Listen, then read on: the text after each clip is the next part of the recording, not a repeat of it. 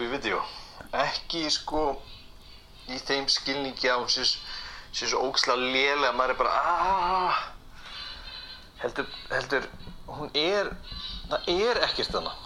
Þetta er svona svipa á því ekki hvernig hann lýsir þegar maður, er var að vinna í fristúsinu eitthvað og það er kannski búið að rástöð allan daginn í græðunum og og maður er alveg, já, kemur hans lag, veist, einhver, eitthvað skemmtilegt rocklag, eitthvað gamalt svona sígilt.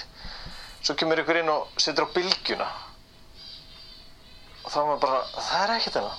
Það er bara eitthvað svona loft. Bara eitthvað svona, eitthvað uppþótta lögur. Og mér finnst ekkert um það, finnst ekki vænt um neitt, hlakka ekki til neins. Skilur þau þessa tilfinningu? Erst að tengja eitthvað? Heyrðu hana, Já, já, myrkur í máli? Já, og hérna þetta var skömmu eftir uh, Fly on the Wall þáttinn. Það var ég búin að vera að hlusta á Blóbi vídeo nokkur sinnum og þetta var lendingin eða tilfinningin.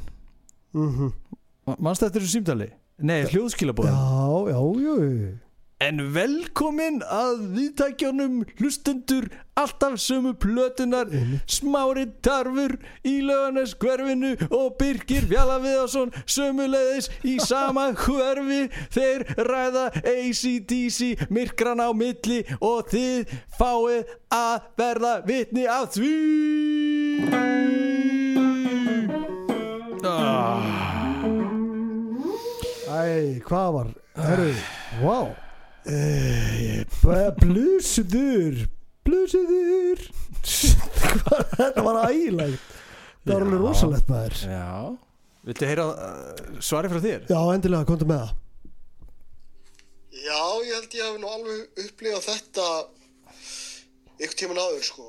Það vill svo óheppilega til að ég er svo ungur þegar ég eignast blóður vídeo og gjörvallur Patricksfjörður eignast hann líka. Eða gott ef ég tók hann ekki upp á spólu fyrir bara tíu manns eða eitthvað rugl sko. Þannig að við vorum mikið að uh, spjalla um blóður vídeo í í, í skólanum og slegis allir félagarnir og vorum alveg að fílda því að sko á þessum tíma þegar maður heyri dæmis eins og Heatseeker og svona That's the way I wanna rock'n'roll þá fannst mann þetta alveg drullu flott sko eh, Hvað ætlaði að segja þér? Hérna Já. En þetta er líka er þetta ekki ó-ACDC-legasta platan til þessa? Já, þarna eru bræðinir að ræða málin í gegnum talskilabóð Rétt. Það er nú þannig maður. Það er nú svolítið síðan. Já, og, já, heyrðu Í dag maður, hvað er liðið langt síðan við gerðum Fly, fly on the Wall? Ég man það ekki Það háru allan að menn farnir að reka á eftir okkur. Jú, jú. Það er nú þannig. Og núna líka.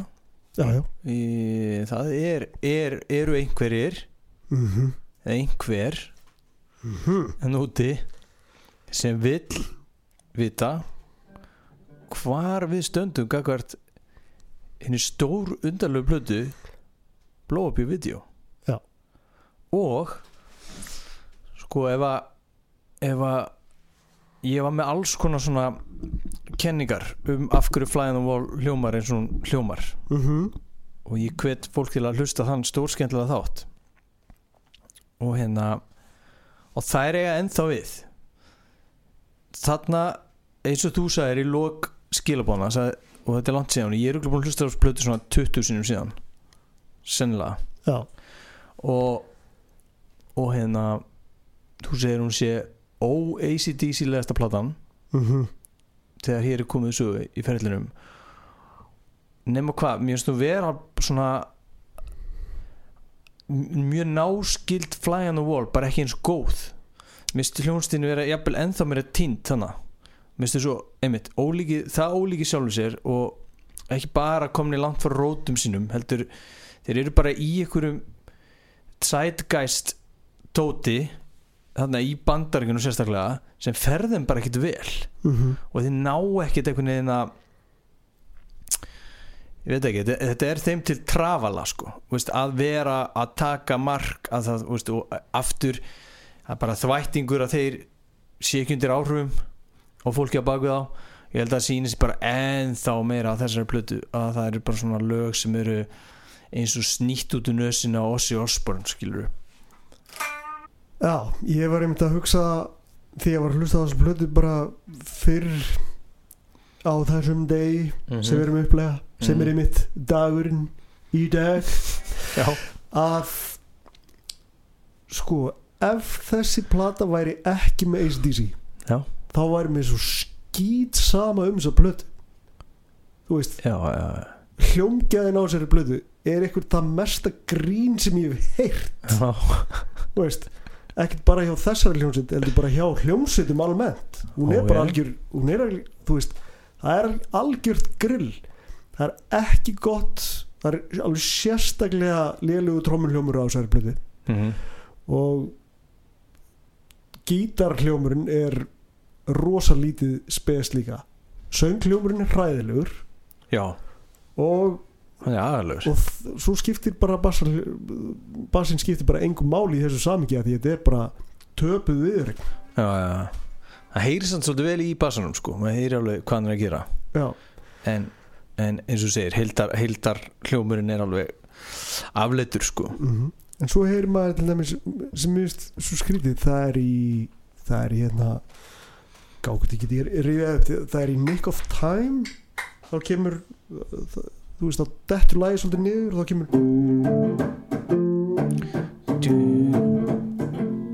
og þá maður alveg hei, gítarinn hljómar ágætlega þannig Já. hvernig stendur á þessu? Þannig að hún er alveg stórfurðuleg greið.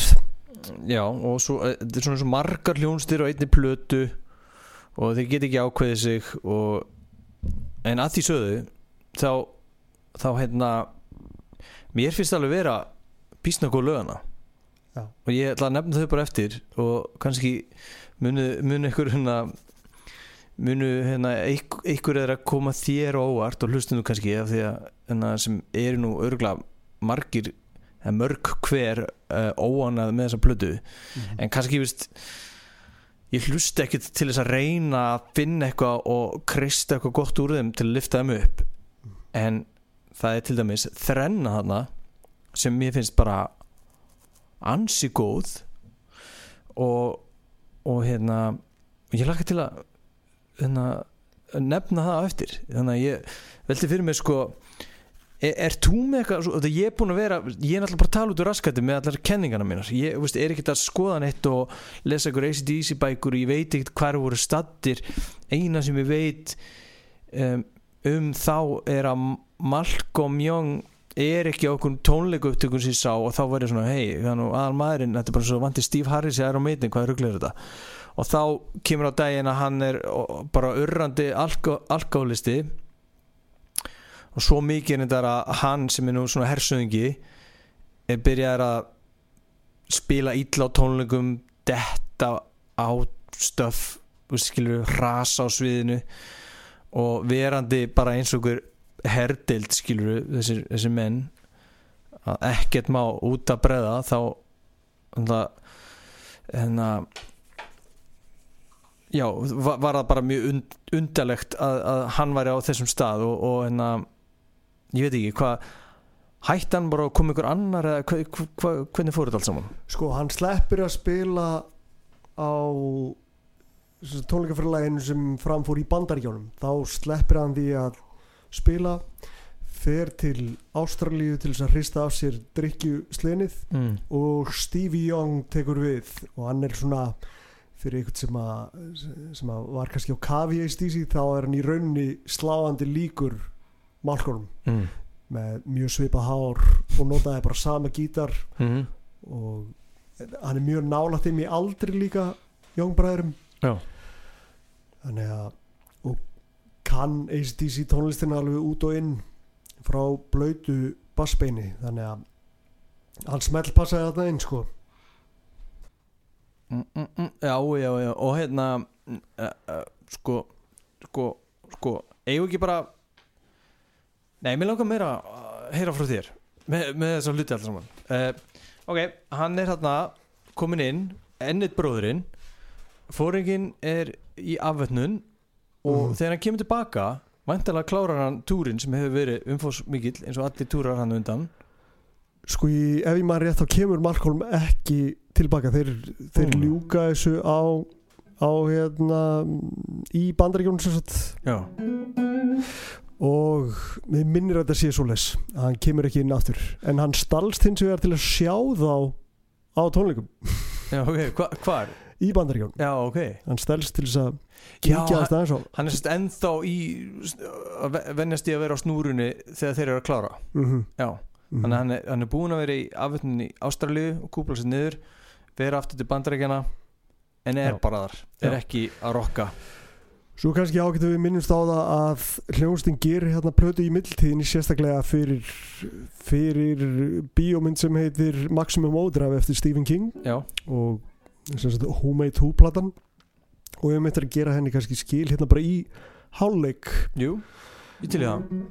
Var hérna en, en, en mér finnst þetta svo forveitinlegt hvað sögðu grjóthardir og, og hollir aðdándur ACDC þegar þeir sjá hérna að, að Malcolm er ekki hérna? Og, og kannski var ekki Malcolm orðin svona mikið hvað ég segja svona mér finnst eins og í setni tíð hafi uh, mikilvægi Malcolms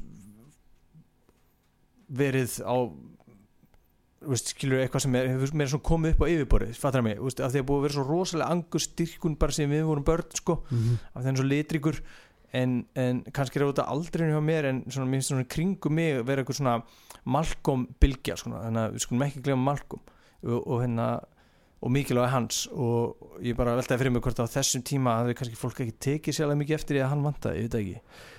Uh, Nú bara þóri ég ekki að fara með það ég er svo, ég er svo reikalega ungur sjálfur en ég, ég hef þessu sömu tilfinningu líka þessi Malcolm Young svona að honum hafi verið ítt sérstaklega upp hvað getur við sagt síðustu 20 árin? Já, slags já, 30, þú veist, ég, ég gerir mér ekki alveg grein fyrir því. En hérna en já, ég fór eiginlega bara að hugsa um hann út af þér sko, þú varst alltaf að tala um já. að hann væri maðurinn. Mm en, en og líka, og núna er ég já, heyrðu, er þetta ekki rétt með það er bara einn uppalögu meðlumur sem er að spila hana á þessum túr. Er ekki bara, jú, það er, það er bara angus. Það er bara angus. Í rauninni sko. Já. Já. þannig að förðulegi tímar fyrir marga sakir einmitt. já. já, ég, þú veist maður þarf einhvern veginn að koma sér alveg hresslega í gang við þess að blessuðu plöti hérna því hún er svo of, ofbóðslega skrítin. Samt virtist vera að hörku stemmari hjá mönnum, þú veist Simon Wright talar um að það hefur verið ótrúlega gaman að taka hann upp sem var ef ég mann rétt í París. Já, við minni það og hann talar um að það er bara hörku stemning í hljónstinni og, og náttúrulega George, One, Já. George Young og Harry Vanda eru komin inn hann já, aftur. eftir að hafa gert eftir að hafa haft, haft yfir umsjón með Who Made Who plötni ah. og tekið þar sem sagt upp Made Who lægið mm, sem að vakti mikla lukku í, í, í bandaríjónum mm, og, og það víða. er í fyrsta sinn sem þeir notast við sko, svo við skjótum því inn inn í. Það er í fyrsta sinn sem þeir fara að gera almennilega tónlistamimbönd fá Já. þetta David Mallet til þess að gera með þessu Who mymbandið og fyrir í það einn á eftir. Og í leiðinni gera er mymband við You Shook Me All Night Long sko. já, og það er náttúrulega Simon Wright á trómunum en ekki, ekki Phil Rudd já, já, hérna, það sem er sem svona, grín og glens og gaman og Brian Johnson að þó sér í bala og, og, og eitthvað svona. Og með lærin alveg þarna já, já, já, já okkar og stælt læri. Og stælt svona skíðarass hefur aldrei fyrir að örgla mm. alveg narta í kallin sko. Allavega, já, já. uh, ég veit ekkert hvert ég var að fara með þessu Nei, nei, nei, þú, þú, þú tala um Who Made Who Ég skal halda þér hérna. Ég skal halda þér hérna á teinum Who Made Who er hérna í mildtíðinni og þeir Já. Já, það er, þú veist það vantar ekkert upp á stemninguna þegar þeir eru að taka upp blóð upp í vídeo, bara alls ekki. Og þú veist eins og ég sagði, Simon Wright til dæmis lýsir í sem bara heil mikill skemmtun mm. og hinn ungi hinn ungi bara Polly aðna sko Já. og skal ég segja eða ykkur segja að þeir taka upp ansi góðan slatta af lögum fyrir þessa plötu ok. þannig, að, þannig að það eru hérna all nokkrar bjelliðar sem detta inn á smáskífum sem eru ótgifin lög af plötunni. Mér minnir er að alls hafi verið tekið upp átján lög Vá. fyrir þessa plötu. Heru, heru, heru, það var nú bara eitt lag um daginn sem var á vegi mínum og ég man ekki hvað heitir og ég hugsaði bara, akkur er þetta fokkin lag ekki á plötunni? Hvað, eru, va- enna, er hann vanda þarna vöndurinn og Mhm. hindjöðlinn sem kom með inn? Nefndir á hann hérna þe- þeir koma aftur inn inn væntilega til þess að ná að endurskapa ykkur stemningu og eins og Simon segir það er búið gaman hjá þeim en það heyrist ekkert á plötunni. Nei, það er korkið fyrir spilagleðin að fara mhm, platan er ekki sterk mhm. og svo er einhver bjelliðalög sem einhver banani eins og ég heyri einu sinni og er bara þetta þetta að vera. Já, þannig að eh, þetta er svona röð af bara lélugum ákvörunum og bara ég veit ekki, e ekki frjósamt tímabili í þeim skilningi veist, þetta skilja sig ekkert á plötunum já, já, þetta er Let It Loose sem Já. við vorum að tala um. Þetta er það alveg er riff. ógeðslega gott lag. Mhm. maður heyri það og við skulum uh, hlusta aðeins á það eftir. Við erum í smá tækni vesni hérna, Já. það er þú veist já, Æ. það er svona uh, já, mm. við erum ekki að fór til það. Nei, nei. En við munum hlusta á Let It Loose, á eftir. Og ég, þú veist, ég fer ekki ofan á því að hefði Let, Let It Loose verið vel gert upptökulega séð. Já, það hefði, ég hugsa að það hefði aldrei tekist í þessum blessuðu blóðuppur vídeo upptökum. Já, en að öllu jöfnu á góðum ACDC degi Já. þetta lag hefði verið frábært. Já, akkurat og þetta er svona lag sem þólir að, að, að, að því sé hraðað að það sé hratt. Mhm. og til dæmis veist, það eru rosalega mörg eh, veist, það eru nokkuð lög og með sem eru í röð sem er með nákvæmlega sama hraðan Mhm. þú veist, ef þú erum með taktmæli bara þá er það bara veist, ekki endilega þessi taktur en ég hjó eftir því sko, ég var að hlusta ég alveg, herru, svimið þá, þetta er bara alveg sami hraðin en samt allt öðru sér lag. Mhm. þannig að alls konar smáatrið sem myndi hjálpa plötinu svo mikið. Og ég meina þeir hafa á- áður gerst segir innan gæðsalapa fyrir að nota sama hraðan skilur mig en þá er kannski fleiri slög á snerilinn skilur eða gítari fyrir æstara Mhm. skilur það er kannski sama, sami hraðin og eitthvað lag er svona bara fremur fallegt og, og, og upplíkandi og létt eins og sami hraðin og kemur svona grótalegt lag veist, Mhm. þeir hefðu gert þetta alveg oft á mörgu sinum en þarna er þetta bara svona með alveg bara svona mm, skilur þannig að alls konar svona brellur svona sem hefur þetta og, og, og svona krydda plötuna sem með til að lifta henni upp úr þessu, mýri sem hún virðist vera ofan í það gerist aldrei Nei. þannig að þessir uh, Vanda og Young þeir eru bara ónýtir hana á þessum tíma og, og það er ekki eina ok, ok Rómagnur, ekki hú, það er ekki mikið um, um flott nýja góð gítarsólo á Nei, þessari ok. blessuðu plötu þannig það nú bara þannig að ég held að það er nú sko uh, sönnunin í búðingnum Búðinglum sagður Já, þegar allt er farið í skrúuna þeim Mhm. og Angus Young getur ekki einu svona og veist skila frá sér svona sæmilega innblásnum og, og, viltum sólóum og ég meina hann er að taka gítarið til sóló smári, Já, já, hann er að taka hann hann hann að tappar. tappa bara eins og. Eddie Van Halen ég meina hann hefur alveg tappað og mun tappa setna á ferlinum Mm. en þetta er samt alveg í svona í sömu knérun og bara allt þetta Los Angeles glam þvaður skilur Það er rosalegu glamfnikur af því að kemur, þetta, er, þetta er svona mjög sérstakur sólokabli sem er rosa langur þetta er í hérna Two's Up ef ég maður s- sem ég fíla. Ok, áfram. Hérna, Já, og, og Ma. Marley veist Marley, hm hvað er ACDC að gera hér? Hvað, hvað er að frétta? Bara týndir mm Gjörsanlega týndir Og hérna Reyndar hérna er uh, sagt hérna Ég held að sé Gítasóla í hérna Ég held að Gítasóla í Rough Stuff. Manstu Mhm. þetta því? nei, Ég, það er algjört afbræð og við skulum kannski bara kann á það þegar hérna, við, við, við hérna, komum að því lagi veist, í seinni hálfleik eða hvað, hvað, hvað sem þú vilt kalla það, en hérna en mér allt það, veist, og, hva, og þessi textar bara oh, meira þess að textanir sem e- eru stundum eru náttúrulega bara hei strákar eru allir að vera 17 ára allir æfi en, Mm. en eru samt hnittnir yfirleitt og velortir og svona fullt að við hefum oft nefnt hvað er gaman já, já. að grúski textum vera að þeir, þeir bara koma óvart þó að viðfáðsefni sé alltaf sami skíturinn Haltu áfram, ég ætla að setja te í bolla minn. Haltu áfram. Já, en hérna en þá meiris að það er bara skoti við markið og bara ofan í veist, það er svo margt svona einhvern veginn. Já, þannig að þetta er svolítið uh,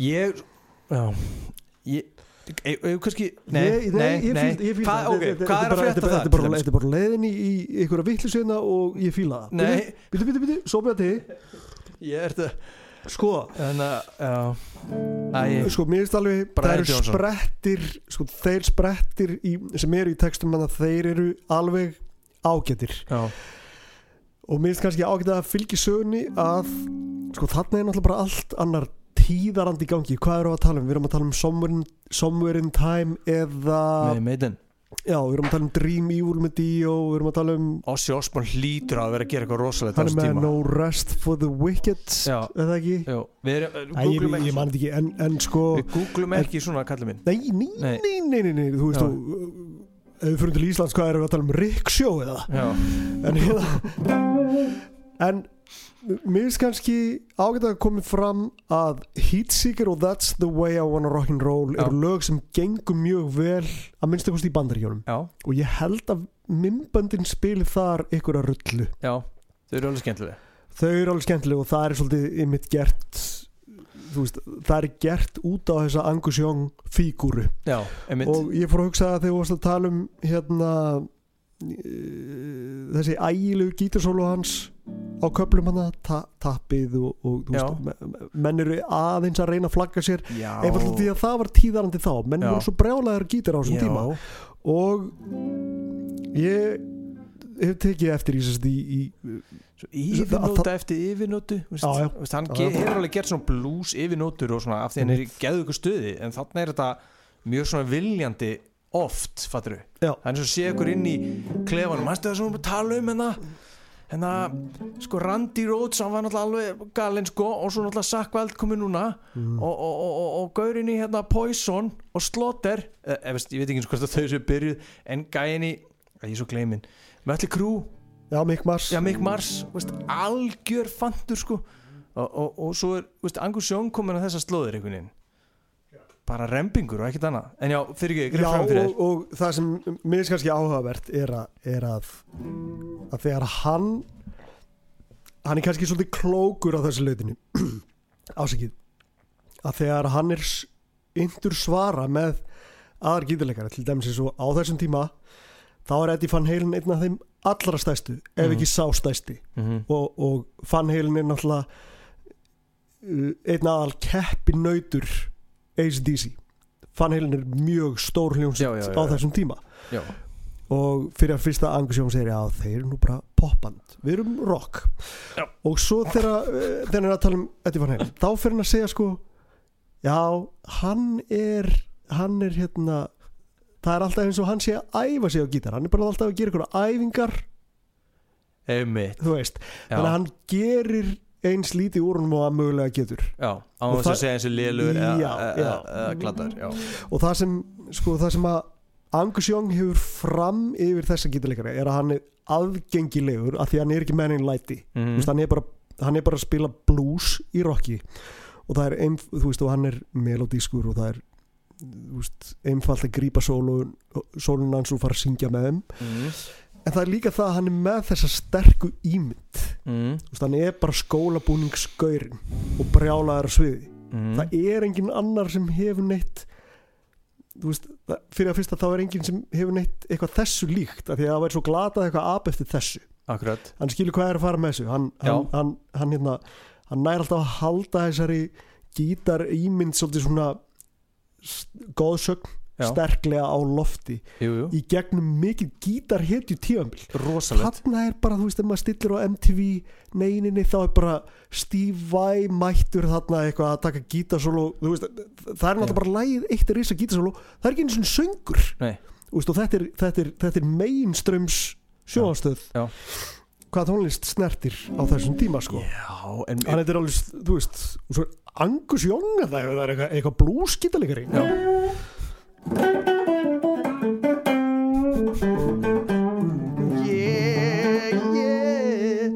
sko já, já, en, Býtu, býtu, býtu, býtu, það Þú ok, ok. Ert að taka hérna aðeins bara döðarokki sko. herðu, þú væri nú örugglega miklu meira til í að tala um nýju kargasplutuna sveimið á. Mhm. Já, sutta platan. Þar er sko. Og líka Nightmare er maður hérna þryggjalaga EP-platan frá hljónstinnana í Portland. Mm, bara eitt besta döðarokk sem ég hef heyrt lengi, lengi, lengi. Smári sko þetta er tímabil sem ég held að þessu rosalega mikið af fólki sem hlustar okkur elski. Já, þannig er Whitesnake að fara yfir í alveg MTV Whitesnake mm, tíman og, og þarna er þetta er Öld the Shredder. Já. og það er í sko hverri hljónstinu á fættur hann er alveg rosalegir gítarleikar og við getum farið hérna í bara já. Emmi og, og, og, og meiri þess að Iron Maiden breðast við þessu með að vera á móti þessu. Það, er að segja að þeir fara aldrei í svona shred. Veist, Dave Murray bara heldur áfram að gera bluesgalana sína og Mhm. Eitinni Smith heldur áfram að gera svona á, á köplum svona nýbylgu skot, skotin skítaslo svona rosa melodísku náingi og, og þess vegna kemur svo óvart að, að það er eins og þessi búið að slökva á Angus Young bara með eitthvað svona eitthvað neisti farin og svo þegar hann er að gera eitthvað þá ætti hann að gera eitthvað svona æfingar. Mm. og einmitt á þessar öld gítarhetjunar og ég meina þetta er bara ekki veist, þetta er ekki gott umhverfi fyrir ACDC og það, ég, ég- er svo rosalega spenntur að heyra hvað ég gera næstu plötu af því bara, mér finnst þess að þið séu komnir út á rúmsjó og ekki í góðum skilningi þess að vera út á rúmsjó mm. þetta er bara eitthvað svona einskis manns land og ég meina En tónleikaferðalögin ganga vel já, og eins og þetta tónleikaferðalag gengur vel og ég veit ekki betur en þess að plata hafi selst alveg ágætlega. Mm, ok Vi, við vorum náttúrulega ekkert að fletta því upp neina öðru sko en, en hérna en ég, ég upplifði þetta ekki þegar kemur að vinsældum og svoleiðis, ég upplifði þetta ekki sem eitthvað svona rap hjá ACDC nei, nei, af því að það á nú eftir að sína sig á, á plötinu sem kemur þar á eftir veist að hafi, hafi það eitthvað verið í vændum þá er því nú dyggilega kift í liðin, sko. já, þannig að en en að já, sko, byrjum að blow, up your video alveg sko. Rólaður, rólaður, hérna Hitsika! Já, það er, hérna það byrja, hérna, byrja plötuna af tildjölega mi, mi, mi, miklum ákafa svona eins langt og það nær á þessar plötu og, og mér finnst þetta um margt svona I don't, I don't need no life preserver I don't need no one to hold me down? já og, og þetta er svona ekta þeirra svona rind upp hurðin og tala bara um lífstilin og rockið. Og þeir sé bara í stuði og, og leita eh, veist, vera svona hýtsíkar og hérna þannig að tempóið í þessu lagi er er kröftugt. Mhm. Og, og og það er svolítið það sem ég minnst fyndi það sem er ó-ACDC-legast við þetta lag er það sem er best við það. Er það sem er ó-ACDC-legast við þetta lag. Ok, það er hérna uh,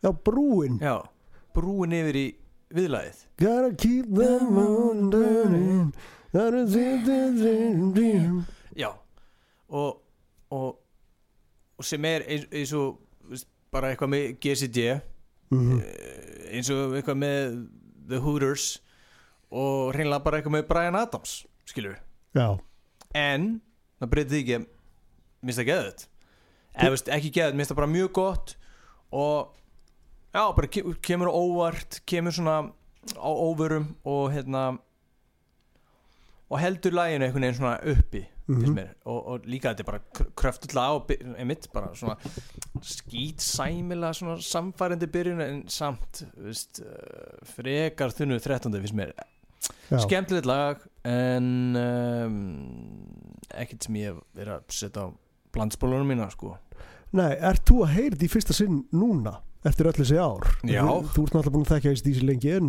en þú ert að heyra Heatseeker fyrst það, einhver- það sem minnst stórmerkilegt er að hérna, ástæðin fyrir því að ég get alveg haft gaman af ímsu á blóðupir vídeo það er það að ég heyr hana ungur já.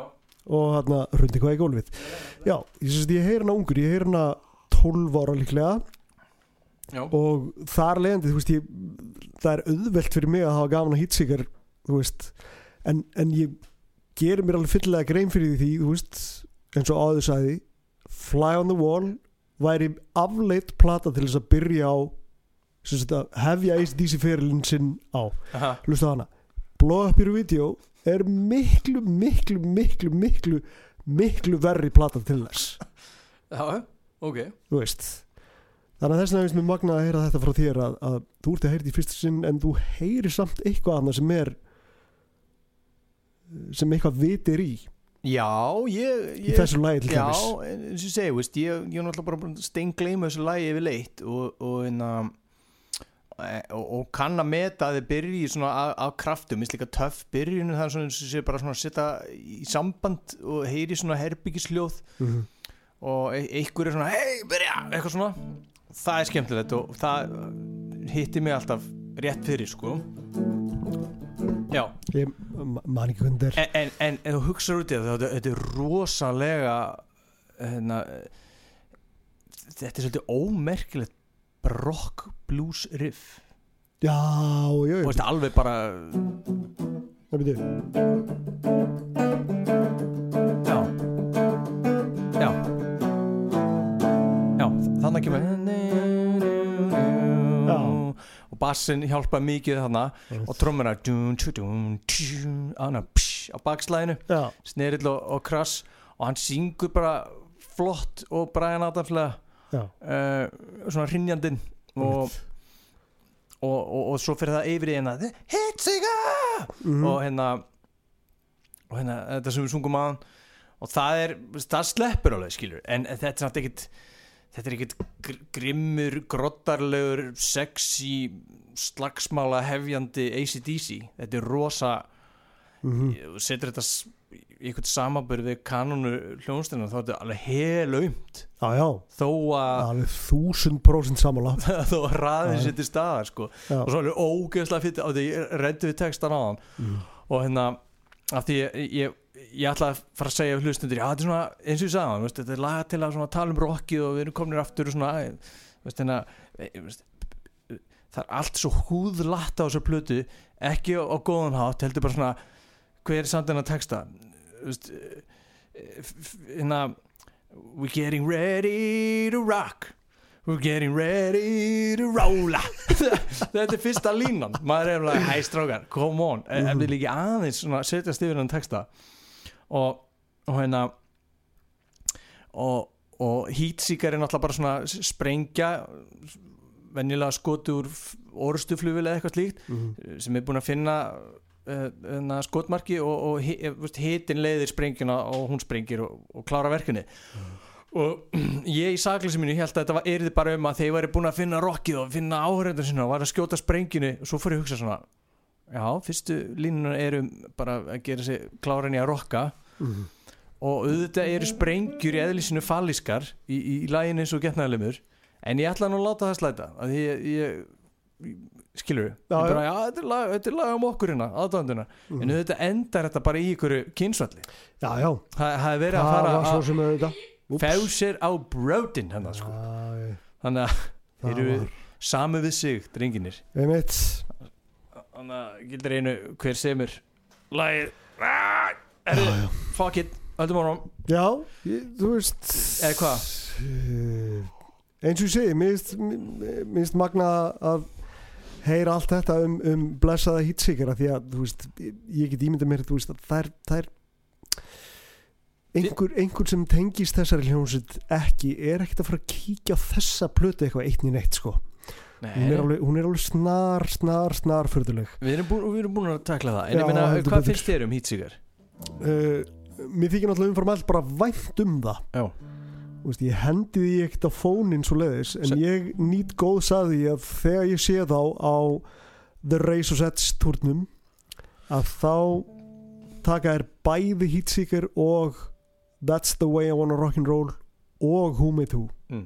þannig ég nýt góð saði að hafa heyrt Mm. þessi lög Já. á tónleikum.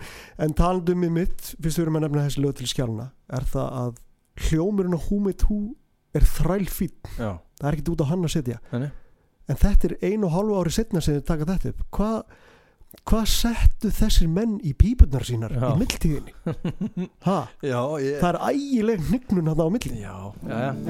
Fuck it, næsta lag. er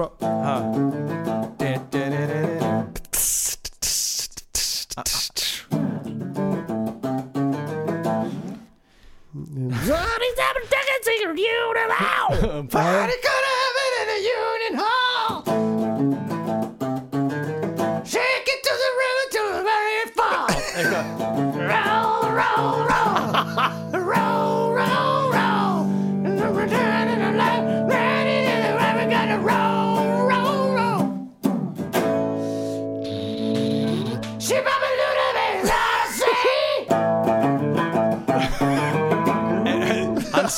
segir þetta?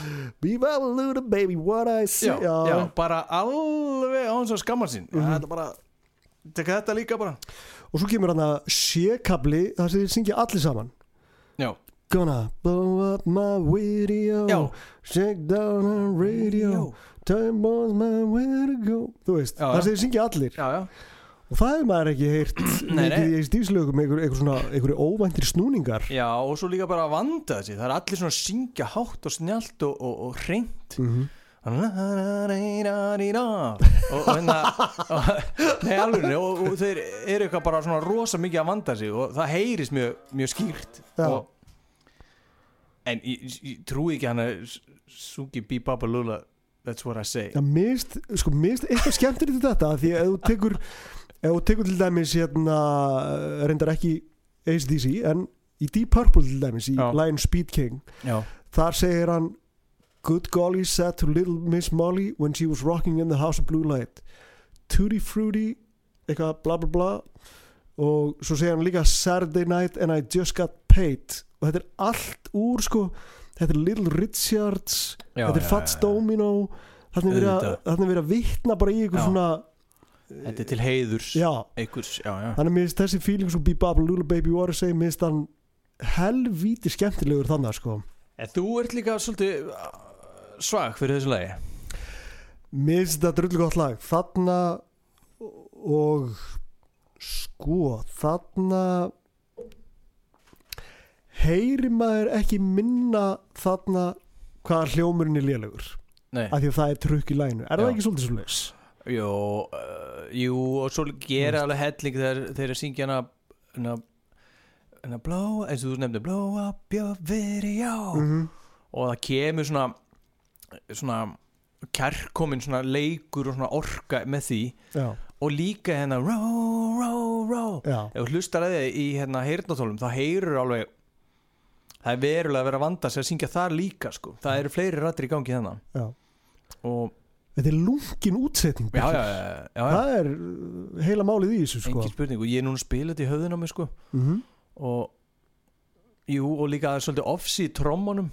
Simon er þarna alveg að að lumbra á settinu sko með vel opin hi-hat já. og hérna jú, jú, þetta sleppur. Og þannig er gítarsólóið eftirminnilegt af því að það fer fram í stoppunum. Já, Sagt, Jú, jú. hvernig sem er það- mikill óður til blues. Já.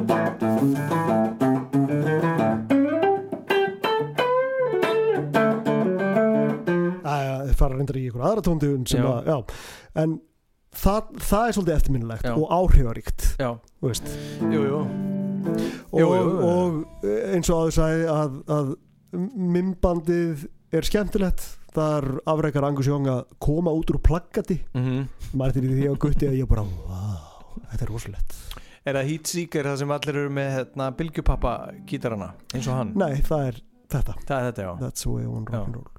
Uh, Er, jú, ég- er að ruggla er að því saman við Humi 2 Nei, Þa, nei, nei, nei, þar er þeir líka með gerfi gítara. Já, ég hef hérna, allavega sett þetta á hérna, samtalsópin okkar hérna, mm hvað heitir hann uh, alltaf sama platan umræðahópur já, og, og, og ég sagði hérna er þetta sennilega skemmtilegasta myndband ACDC já Á- á það, er, það er góð spurning. Já, og, veistu, og bara svona hrest og, og skemmtilegt.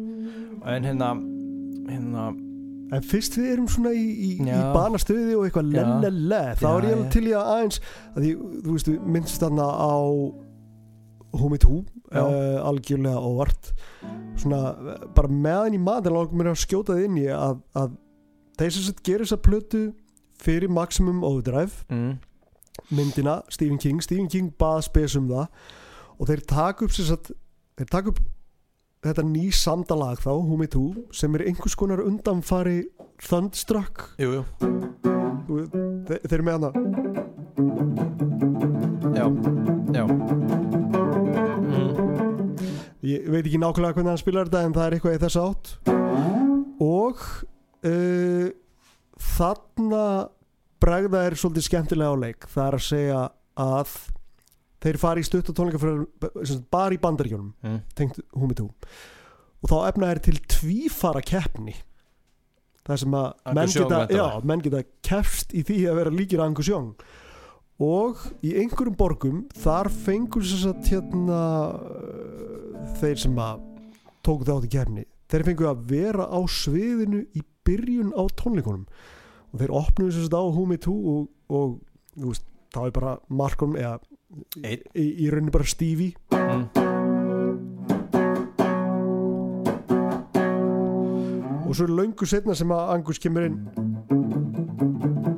Mm, hvernig sem að gerir þetta og þá byrtist hann en þá sagt byrtist hann að nokkrir Angusar en hann svo síðastur. Já, þetta já, var svolítið svona partur af partur af síningunni sterkur partur af síningunni en líka í samtu við uh, Maximum Overdrive að það er slatti í myndinni sem sagt spilaðar af ACDC sem er ekki á plötunni. Já, já. Eitthvað svona hughrifs já, tónar eða eitthvað? Já. Ok, og hérna djamkablar og alls konar dót sko. ok. En þetta var nú bara léttur út úr. Ég, Mm. ég man bara eftir ég að hérna uh, það voru nokkri kumpánar sem sögðu mér sem að voru í Humi 2 myndbandinu. Þar kemur svona atrið það sem að Angus stekkur niður af einhverjum svona sölum. Það var, það, það var í Brixton Academy ef ég maður rétt í, í London. Að þá er hann tengdur í víra já Kom þér ansi langt frá knæpunni þannig já, já, já, já, og svo, svo Simon Wright þetta er fyrsta vimbandi sem Simon Wright tekur upp og, og hérna það var, hann var svo eini sem heyrist eitthvað í af því þeir voru náttúrulega ekki að spila, þeir voru bara að mæma. Að, uh, menn náttúrulega bara grát báðan um trommusóló, fyrst að hann var svo eini sem spilaði og það er held í eina skiptið bara á ferli ACDC það sem er eitthvað trommusóló maður þetta, það er ekki hægt að segja þetta í sömu setningu og ACDC sko En ég ákveði nú að skjóta svo að því að við erum hérna bara eitthvað að reyna að ná takti hérna við þessa plötu Já. En já, that's the, the way I wanna rock and roll. Já, Svona dómurinn um þetta lag Hvar, hvar fellur hann hjá þér? og Það er aðeins að aðeins að reyna að róa mig á gítarnum Nei, nei, nei, mér mér finnst fínt þetta en að spila á gítarinn en ég rá, rá, rá að ég veit ekki. Veist, Þú, þú ert að heyrði í fyrsta sinn já, satt? mér finnst þetta pingu svona klient og, og það er bara að hafa það. Ég meina, ég er líka ekkert rosa svag fyrir svona bluesrocki við og, og, og það kannski sést á Spotify lagalistanum sem ég er bú- búin að skapa hérna og setja ACDC lista já, eða ekki? já, og það er eiginlega sést svolítið, það er eiginlega aldrei svona lög á honum hjá mér, það er bara þannig ekkert meir um það að segja þannig en, en, Nei. en that's the way I wanna rock and roll eftir Youngbreðinar bræðurna og, og Johnson sem er reynda texta hana mm hann sem textan á plötunni já, Já. Uh, þetta er síðasta platan fjarrri er. góðu gamli uh, sko, svo kemur Mean Streak Já. Mean Streak Kíkjum aðeins á hérna þessu Já. Hvernig þetta? Nei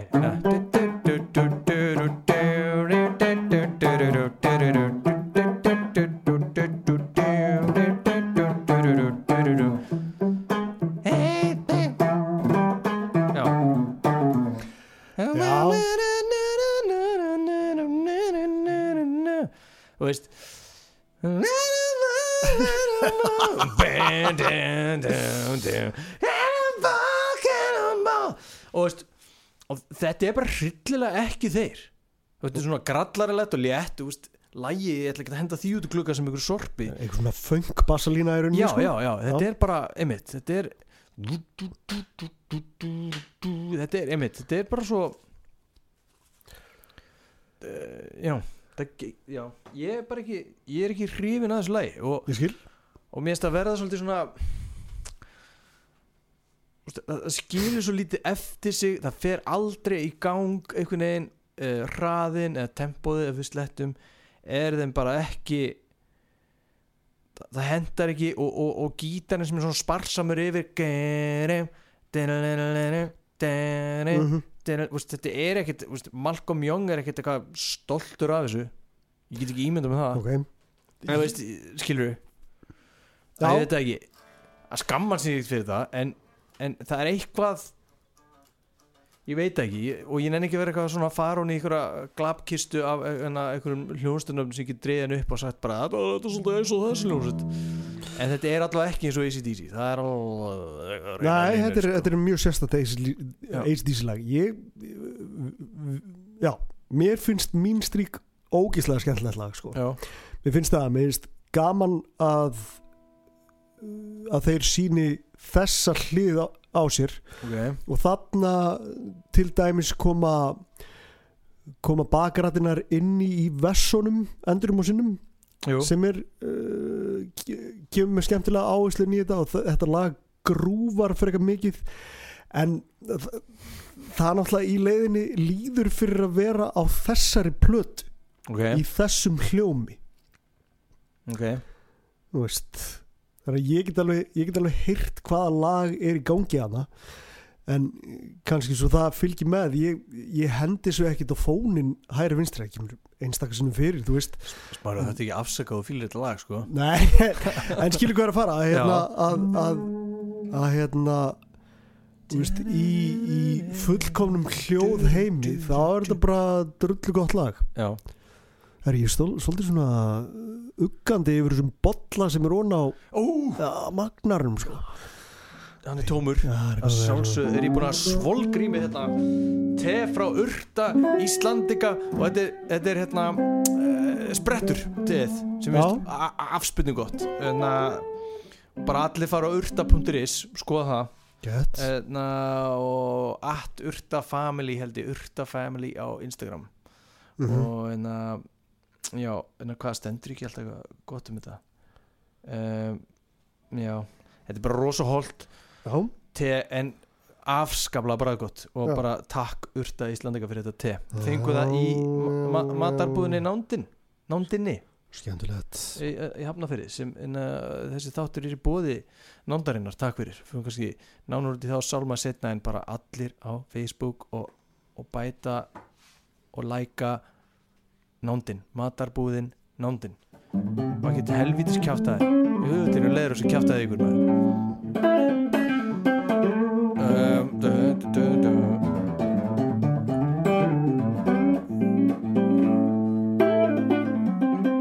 Já, Já, ég gaf aðeins í Já. En Ég mitt blow up your video maður nei En mér mér varst skemmtilegt þegar ég eignaðist sko, ég eignaðist svona sjötommur mm, sem voru annars vegar Heatseeker demo sjötomman og svo That's the way I wanna rock'n'roll demo sjötomman það eru demo útgáður þessu lögum og þar eru einmitt Let It Loose og All Right Tonight auka lög sem að voru ekki á þessari blötu Mm.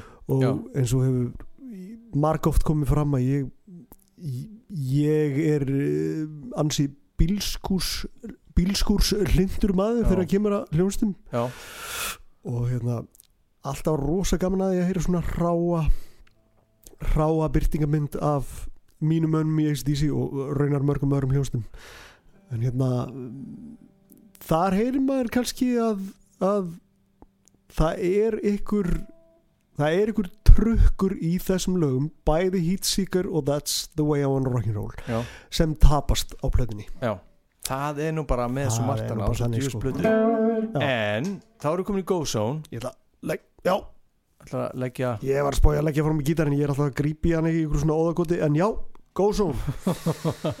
Þeim mitt brjálæður, alveg brjálæður já, þú mátt alveg um gítarinn. Komdu með það, fólk er hriðaði ég skil. Go En- zone, en þannig að já, ég Hve- veit ekki hvernig er aftur aðal riffið í Go Zone, mannstu það? býtum við það byrjar á hana Drew, drew, down, down Drew, down, down, down, down, down, down Það ekki? Go Zone já Já, og svo, svo byrjar hann. Rap this beggar brown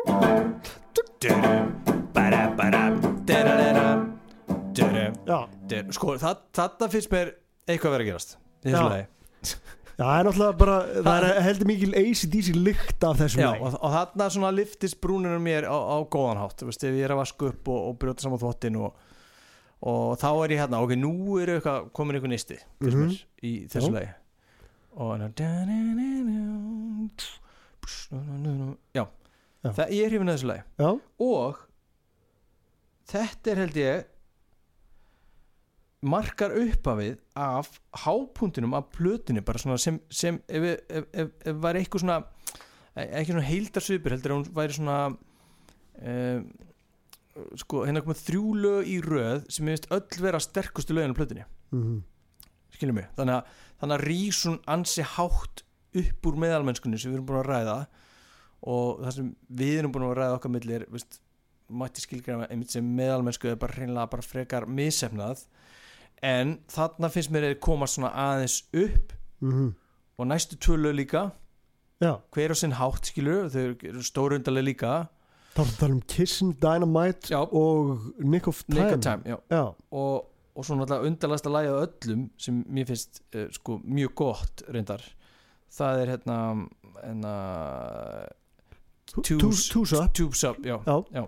Og, og hérna þannig að það er þessi þrenna sem ég hlakka alltaf til þegar kemur Já. og þá svona kemst ég inn í plötun aftur og það er hi- hitt og þetta í þessum þreim lögum sem svona, sem svona grípur mig og vekur áhuga minn og ég hugsa alveg að þarna þarna er eitthvað að gerast mm sem er svipað eins og með Fly on the Wall þegar mér fannst ekki mikið um hana fyrst manstu? -hmm. og svo kom ég veist, inn í þáttinn ferskur eftir að hlusta rosa mikið á hana þá hefði eitthvað svona smolli hjá mér það smalla eitthvað og ég tók hann í svona mjög mikla sátt sko on the Wall og þarna er ég svona ég tek ekki video í sömu sátt en þarna er hún svona á pari við margt að því góða sem ég fann á on the Wall Mm aftur bara þrjú lög skilur Já, en þau eru í röð og það er skemmtilegt. Mér finnst mjög magnað að þú skulle nefna þessi lög til skjálana Já, ég laka til að vita hvað þið finnst um það því að, að því að sko sko mér finnst platan sko fyrir mitt leiti að því þekki hana vel þá byrjar hún vel á fyrstu þremur plötunum. Þrjum lögum þremur lögunum segi, afsakið. Og, Og ég er ekki sammála því, svo svo gott. koma einmitt þarna, nei einmitt. Nei, svo komu einmitt nokkur lögan í röðu sem að hljómsins vegna skila sér ekki nógu vel. Ok. Og það er þetta er dæmis Go Zone Mhm. og það er Kiss and Dynamite og það er Nick of Time. Og, og hérna en ég heyri samt sem aður sérstaklega í, í Nick of Time þá heyri ég alveg herru, þetta er er drullu gott lag. Mm. Ok, já, þetta er bara svo mikið grill sem hefur verið að bjóða upp á í þessum hljómi sko, já, já, já. þú veist. E, e, na, og það er eins og það er þessi sem að margir upplifa sem bara einhverja takt pælingu sko Já, í Nick of Time. Time, já, Já, gefum það þá eftir. Já Mér langar ekkert að bara spila það fyrir, fyrir hlustundur því að uh, það skýtur svo skökku við að sé einhver taktpæling bara yfirleitt.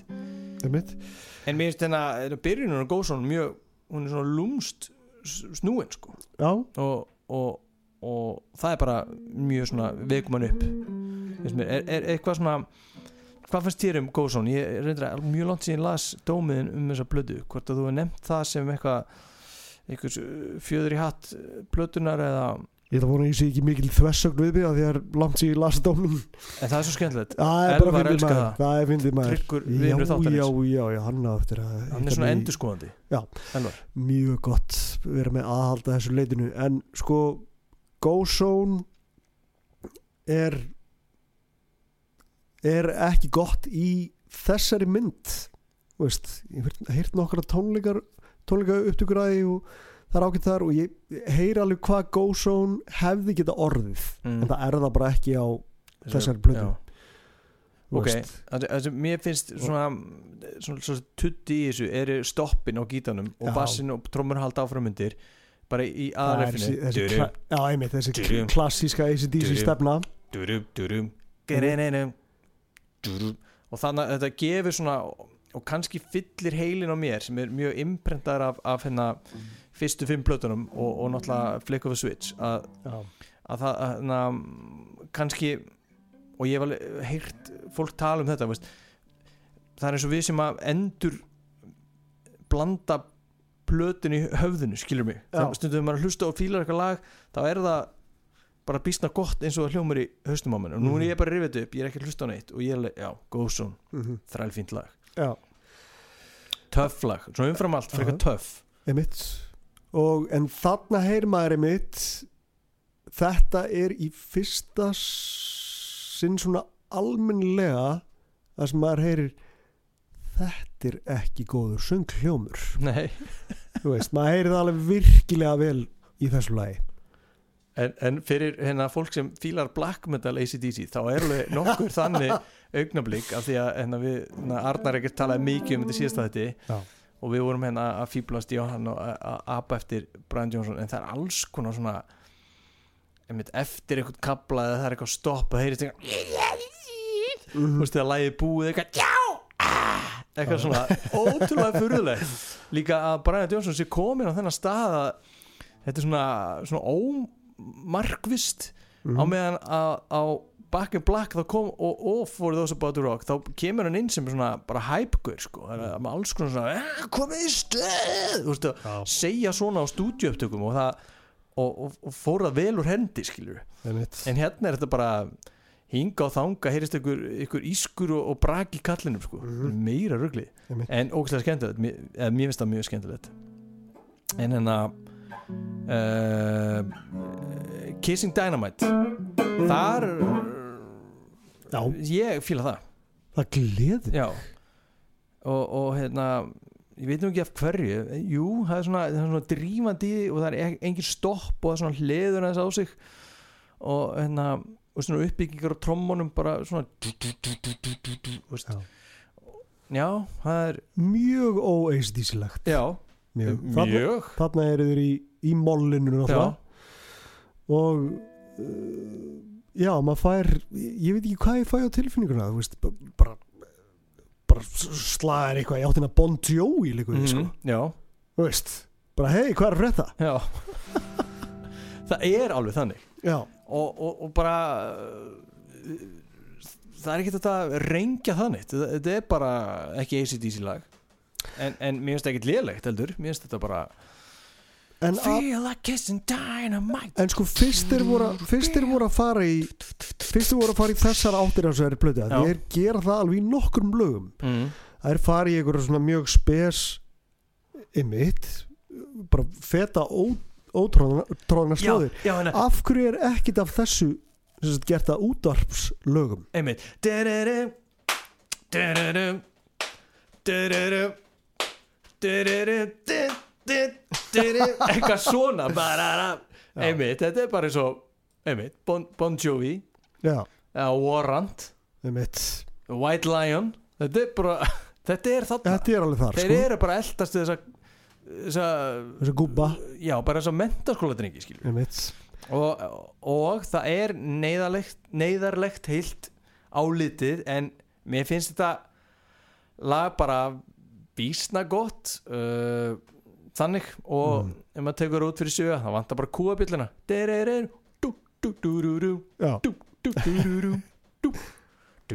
þetta er svo fokkin skorpjóns maður mm -hmm. já það er makalust sko.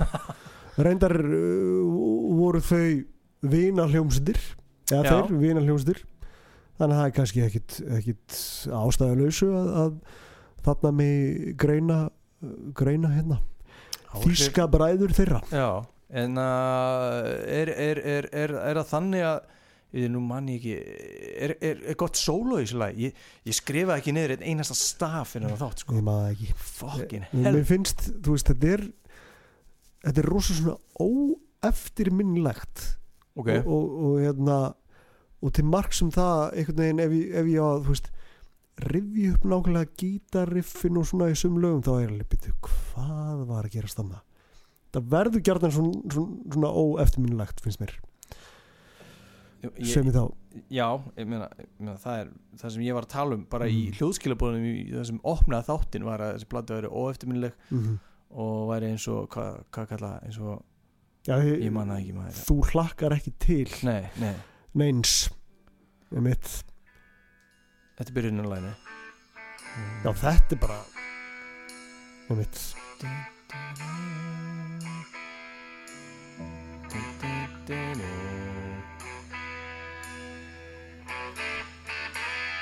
Bara byrja á rætt symbol Það er rúglega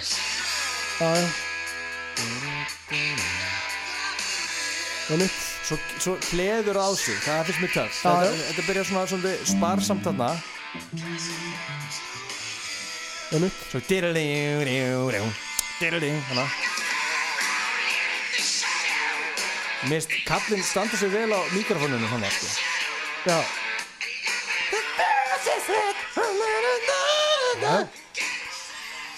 Þannig þetta er þræð fínt sko. Já Þetta er ágætið slagsmári Hvað já, kjáta er já, já, þú veist, mist, þú veist það er ekkert að því en, en, en hérna en þarna þarna er hljómsnið kannski komin of hressilega út fyrir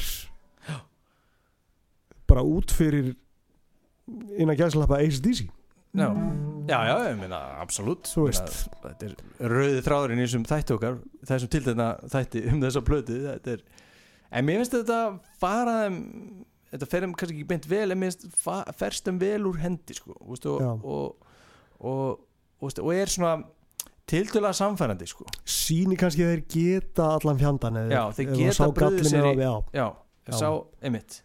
Og, og já, ég stend með þessu lagi sko. en þá er það einmitt það sem við höfum alveg spjallað um að þetta er bara ekkit alltaf saman platan og þessi plata er Nei. til þessa þá er hún alveg lang ó-ACDC-legasta platan. Ok, ja, þú segir mér það. Til þessa. Já, já, er það rétt metið hjá mér þú veist, já, já við erum viss- að við, þú veist við erum byrjað að endurtaka high sko. voltage og Já. dirt, dirt deeds og bla bla bla og eitthvað, hvað þetta allt heitir Já, kemur allt í einn eitthvað blow up your video sko. já En veistu hvað?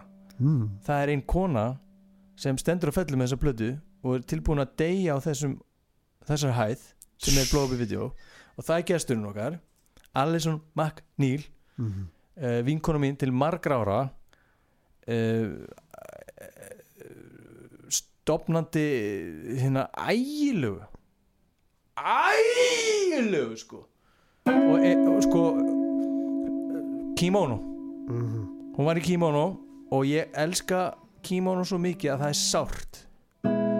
Ég fæ bara svona ég fæ bara maga núna að hugsa um kimono. Svona minningar og augnablík tilfinningar góða stundir og slæmar tengjast mm, já, tengjast kimono.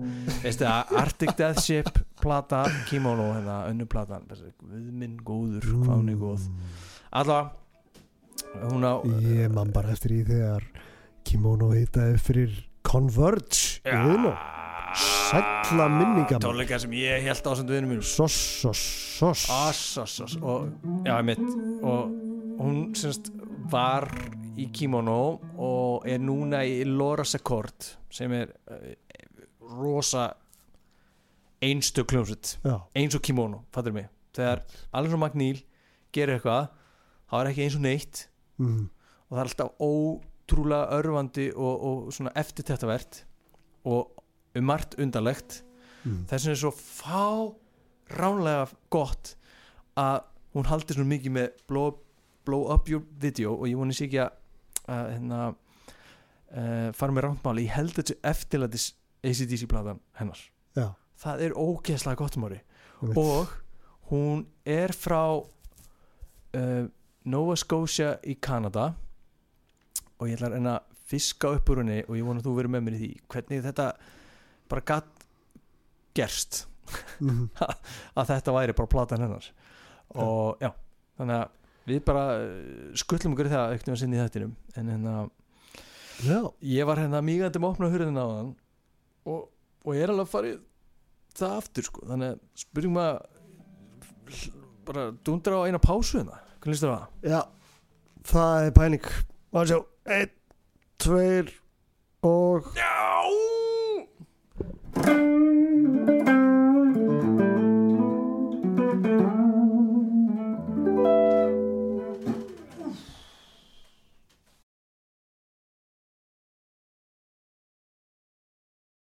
Jæja, nú er Alisson McNeil komið til okkar í uh, bílskúrin og uh, við ætlum að hérna, rekja úr henni gardninar varandi þetta uh, einstaka val á eftirlætis ACDC blötu við rættum þetta á hann mm.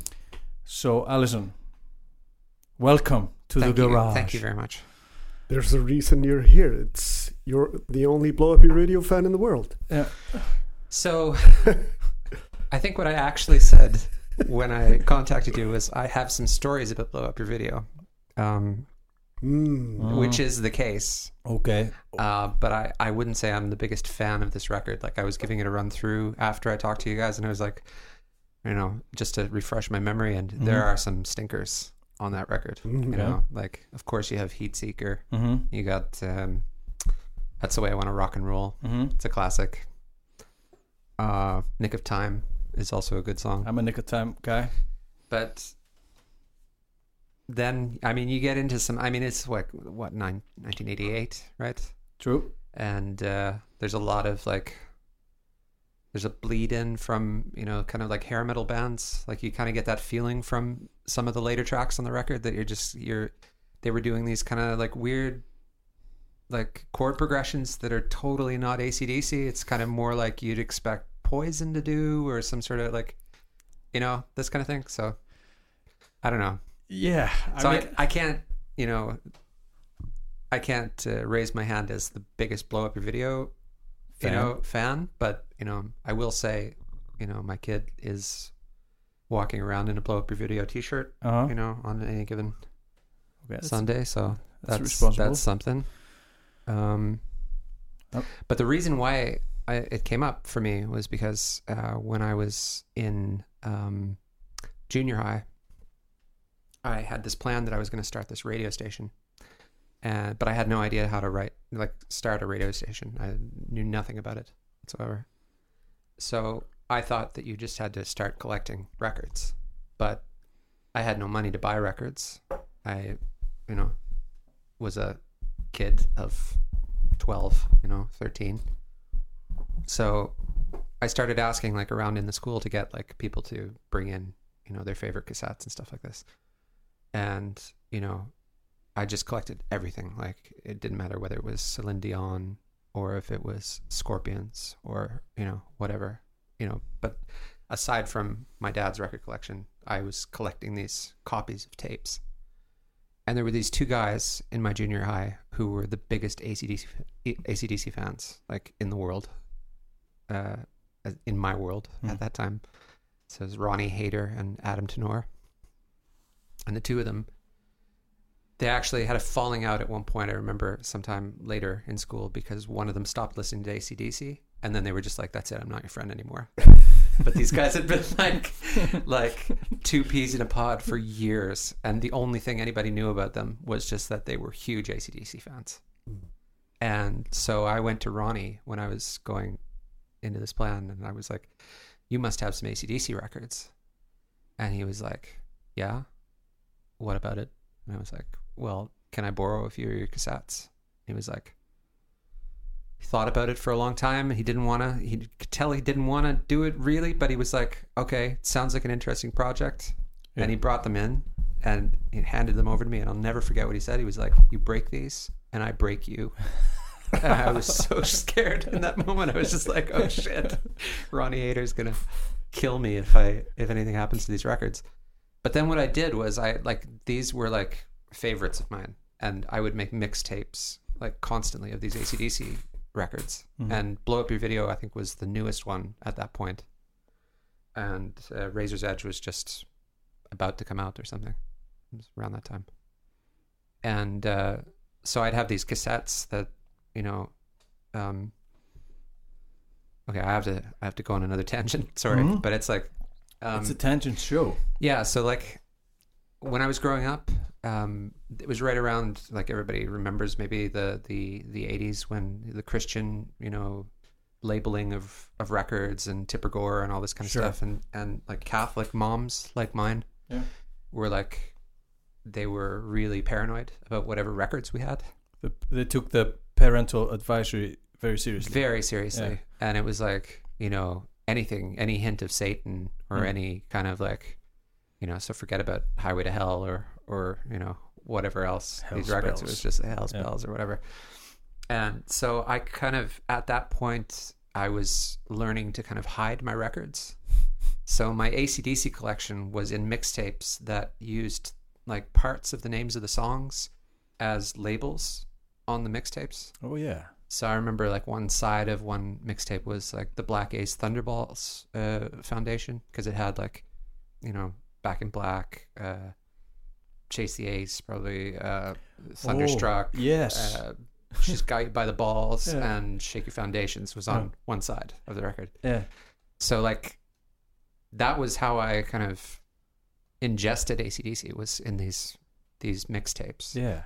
so it's weird to now go back and like you know listen to the records you know as wholes as a whole, it's uh, you know it's uh, so So so you made mixtapes to hide them from your parents, Yeah. your mom, and what dictated what ended up on the on the tape was the, uh, the song titles you could manipulate to sound innocent or no it was just to sound like nothing or like Yeah. nonsense like they would look at it and they'd be like Ugh, like they wouldn't think about it but i had like a stack of cassettes that i was ready to sacrifice yeah if it came up that i had to hand over some cassettes yeah because it happened you know my dad would come in and he'd be like okay hand me over you know something or yeah I had like a hole in the ceiling of my bedroom where I hid Wow. all the stuff that I really wanted to keep, like "Kill 'Em All" by Metallica. yes Like that was one that I would just like. I did not want to lose that, hmm and so that that was up in the ceiling.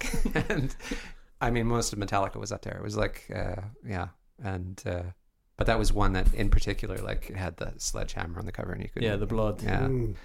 that was can't have that no, but I had Slave to the Grind on my desk, you Hmm. know, because I didn't particularly like that record.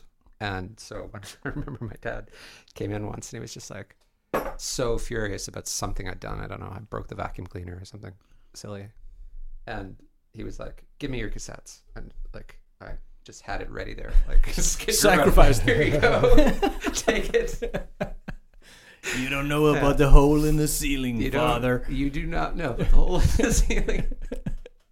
Very Yeah. advanced strategy, Oh, I must say. Yeah, yeah, yeah. Growing up Catholic, you have to have some Mm. yeah w- workarounds yeah some workarounds. Wow, that's an amazing context, and and it kind of puts in a, uh, it it kind of uh, figures like really um, heavily into your youth, like uh, hiding stuff and and uh, uh, cassettes like falling into your lap somewhat randomly because they this guy could have given you uh, anything, yeah, and you got blow up your video, and it's just kind of vivid in your mind all these No, years later. I mean, he gave me blow up your video. He gave me fly on the wall. He gave me flick the switch. he, uh, Back in Black, Highway to Hell. Like it was Wow. just it was a stack. Yeah. Like it was a bag of of uh, of cassettes. Why did he give it away so uh, easily? Like, Like he said, like I said, I was gonna have them back that Yeah. mo- you know the next day. Yeah. and that's what I did. I went home, got a bunch of blank cassettes, copied everything, and you know, and then from that I distilled it down to to uh, mixes. yeah, because this this plot of mine that you know it started out like I was just taking okay so you know Jennifer what what do you have? What cassettes do you have? And she gave me like some Celine Dion thing and I'm gonna take this home and I'm like okay I'm gonna copy this. I need it for the radio station. It was like this Yeah. kind of weird like hamster mentality of uh, what I was doing with this music. And then I had this stack of of cassettes and I was like oh shit you know I, I can't afford to keep buying cassettes. This is just getting expensive. Mm-hmm. So then it just starts getting distilled down and new labels on top of it and just you know third or fourth time you're recording on these Yeah. things and it was just sounding like shit so kind of sound like Brian Jones's vocals on the, on the video. Like, just like shit. just bleeding through so Yeah, Yeah, that's going to be interesting on the what third or fourth fourth generation tape. yeah. yeah Maybe it will be better. Yeah, yeah. Who knows?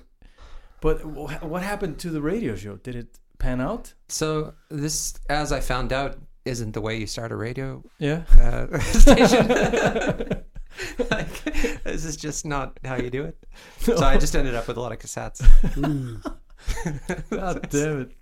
So but uh, but I mean, what this led to was that uh, because I was really interested in, I mean, rock was you know what what I started to get really into at around that time. I was up until then I was only listening to uh, you know my dad's records, which were great. You know, it's but it was mostly the Beatles and solo albums by the Beatles. You know, after the Beatles broke up, so it was just you know Mhm. solid stuff mhm. but uh, I also kind of had this feeling like up until then that you know music was something that had been made like 20 years ago yeah, and nobody was doing anything right now yeah, because that's the way it felt too like I grew up in the boonies so yeah, but um I mean I say like you know my parents were really like uh monitoring but at the same time like there was so much free time too mm-hmm. so, I mean, when I started getting into ACDC and Guns N' Roses and, you know, Metallica and whatever else, um, then a friend of Ronnie and Adam, a guy named Johnny Stockley, he was like, he was one of the two guitarists at school. And I started getting into playing guitar at around the same time. So, um, so the riffs from, yes, from, you know, was Blow Up Your Video and Razor's Edge or, you know, something from Back in Black or whatever else uh, or some Metallica riffs, or some, you know, um, there was a lot of. I was always trying to learn Meg- Megadeth, and I could never, you know, play fast enough. It's like, and I I didn't have a guitar yet too, so it was my mom's church guitar, you know, like nylon Acoustic. string acoustic. Yeah. so I'm like, like the strings breaking constantly. Pre- precision shredding is not easy on uh, nylon no, strings. No, no. So, uh, so Johnny, you know, I sta- I started asking him like to to teach me stuff, and I, I remember Heatseeker was one of the ones that he taught me, Mm-hmm.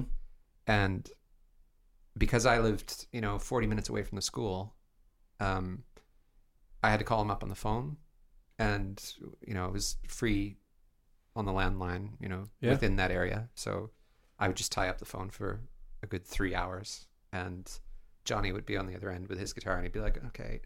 It was funny. Like he used to, he used to uh, phrase everything in terms of what my future desires would be, because he would, he would Oh. always say like, "Now you're gonna wanna yes, yes. yeah. put your first finger on the sixth. Do you remember what the sixth string is? That's the low one, right? Mm. Yeah, yeah. The sixth string on the fifth fret. Okay, and then, okay. Now you're gonna want to put your second and your third fingers on the seventh fret of the fourth and the fifth string. You got that? And I'd play it and it'd be like totally wrong. like, no, no, no, that's not right. That's not right. You're gonna want to switch it around now. and like, and that's a power chord. And I was like, oh yeah, yeah, I can hear that. Yeah. it's like these sessions took forever. You know, like one song would be like three and a half hours on the phone. Shit. But slow tuition, tuition is good. Yeah, yeah, yeah. It worked. I mean, I was just. I mean, Kimono ripped ACDC off so so many times. So you live in the boonies. Uh, you live in the province of Nova Scotia. The year is I don't know ninety something, and you're somewhat isolated, but a lot of rock and roll. Uh, it's yeah, like you're finding out about a lot of stuff, Hmm. and it's so interesting. It's we we try to not reminisce too much uh, about like our youth, like how like tape trading, making mixtapes, calling the radio, waiting for, you know, a record to uh, be arrive at your door because you sent well, well, concealed cash to the record store and they sent it to you. Hmm. Like and, Mhm. and and we have so many of these stories and uh, we have all the opportunities to talk about this, like you're saying right now. But we try not to, so it's so good to have like a, the third person come in here and and bring all these things up because it's so interesting. It, it just paints a picture that is so, um, you know, it, it's so very real, and yet we don't want to be like old guys going like, "Oh, you kids have it so good these days," you know what I mean? And then Yeah. you, you then you s- t- tell us this story is even more brutal than Mhm. uh, than what we were faced Yeah. with. Because like m- my parents didn't give a flying fuck what I was listening to No, no, no. I or mean, watching or my- anything. My dad uh, actually took me to my first ACDC concert, All right. Yeah. so he was he was all for it. Absolutely.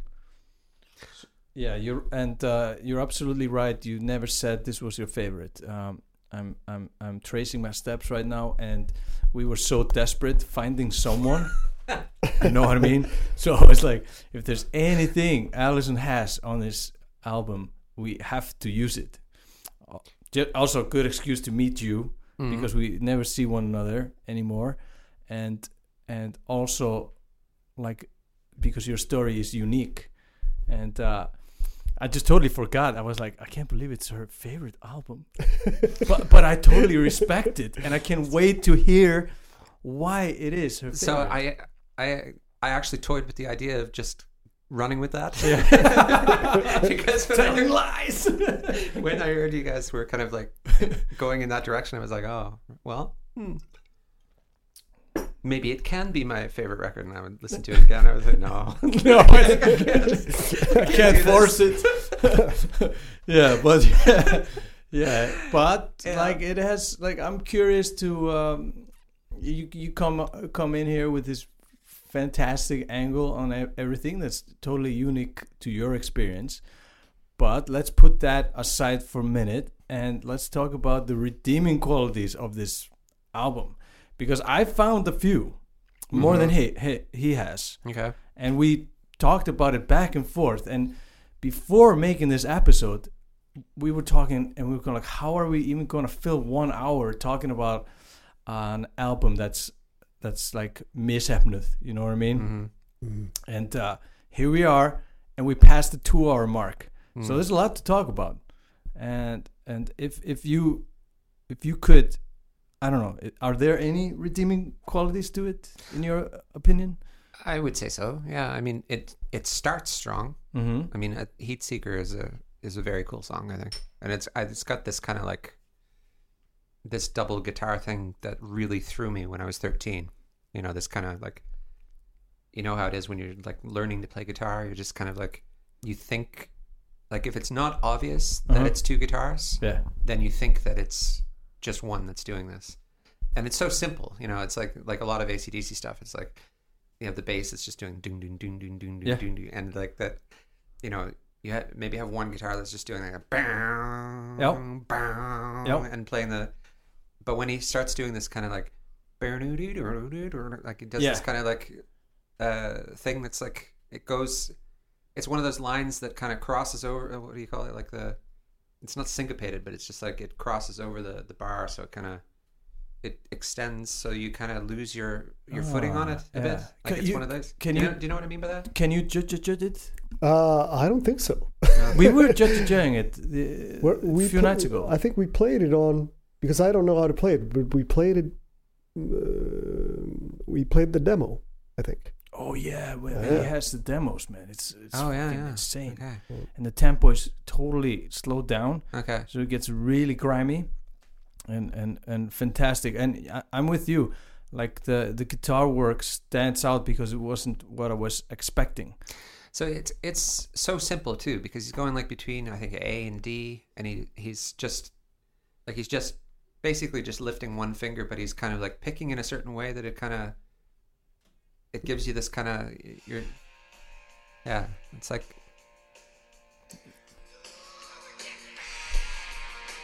so here he's just he's like he's just he's that's just one guitar yeah but when it comes later on, then he, it's two guitars doing kind of like a. It's it doesn't sound complicated, but it actually when you do start to sit down and try to play it, it you, it kind of gives you a, yeah a hiccup. So uh, we, no, uh, like for sure and we we have like when we scoured every record for some like nuanced stuff that is Mm. like like tricky or smart or complicated you can always find a little bit uh, on each album and I, this this has like this propelling it's like an avalanche it's kind of you know what i mean it's kind of Mm. like a it kind of rolls rolls onwards kind of give, gives me that feel Mm. this song and um and uh, i'm also really happy that you pinpointed that that la glam influence because that's for sure a, a real thing yeah, I mean definitely on side B too. When they started to kind of like the album starts to lose steam, like about three songs from the end, like big time lose steam, yeah Mhm. and then you get this kind of one song there. I don't know. Remember two's up two's up Yeah. two's up Yeah, yeah, Yeah. yeah, yeah, exactly. and has like this, this tapping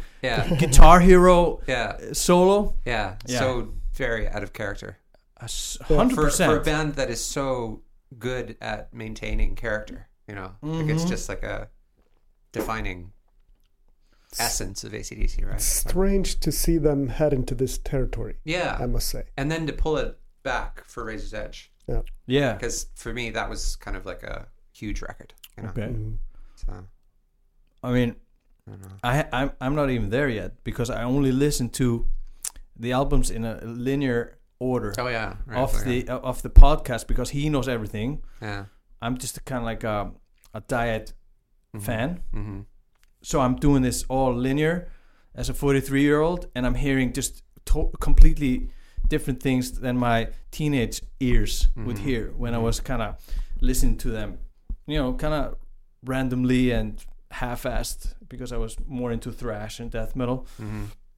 So I'm I'm really forgiven uh, uh, about the the two sub song because I like it. Mm-hmm. But then again, it's just not ACDC Mm-hmm. at all, and it's kind of like this, like you say, they're running out of steam, and uh, they're just fondling around and and and just keeping their head above water, trying to fit in. And I, I know this. I'm, I'm always waiting for somebody to yell at us for saying this, but they they are really following a trend here Mm-hmm. and they in every interview for decades they are like we are trend averse like we no trends uh, uh, influence us or can affect us in the market and what what have you but there's fly on the wall in this album in, particular you can just feel like they are they are taking note of what's happening in LA mm-hmm. specifically Yeah, I mean, of course. I, I I don't know how they would not do that. yeah You know, yeah But- but yeah, they. I mean, I think it's because they kind of pulled the ship around, and then I think from Razor's Edge probably onward, it just starts to be much more consistent. You know, yeah and that, that there's not like you don't get that kind of feeling from the rest of of what they put out. I guess they were much more kind of like for me just um purely ACDC. Mhm. I don't know after that. One of a kind, you could say. Yeah. Yeah. Mm-hmm.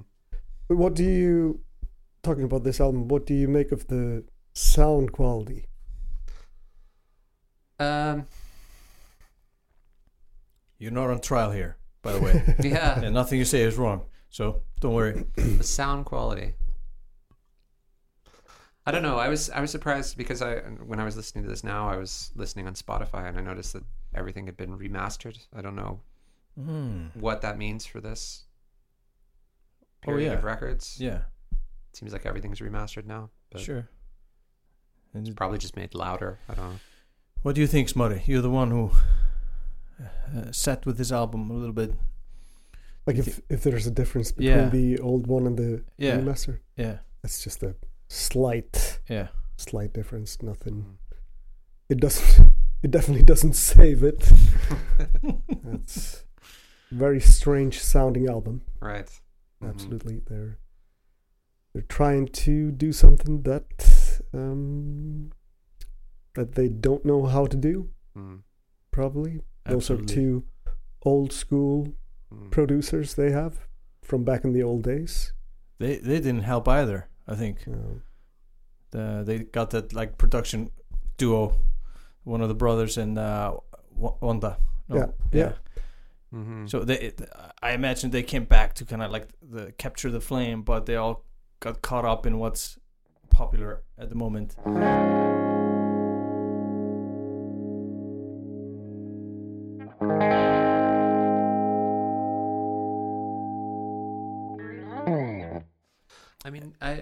Reading a lot about, uh, like I I inhaled these Guitar World magazines and you know, music production magazines and whatever else. And I remember reading something about, I don't know who the interview was with. It was one of the engineers who worked on, I think, Back in Black.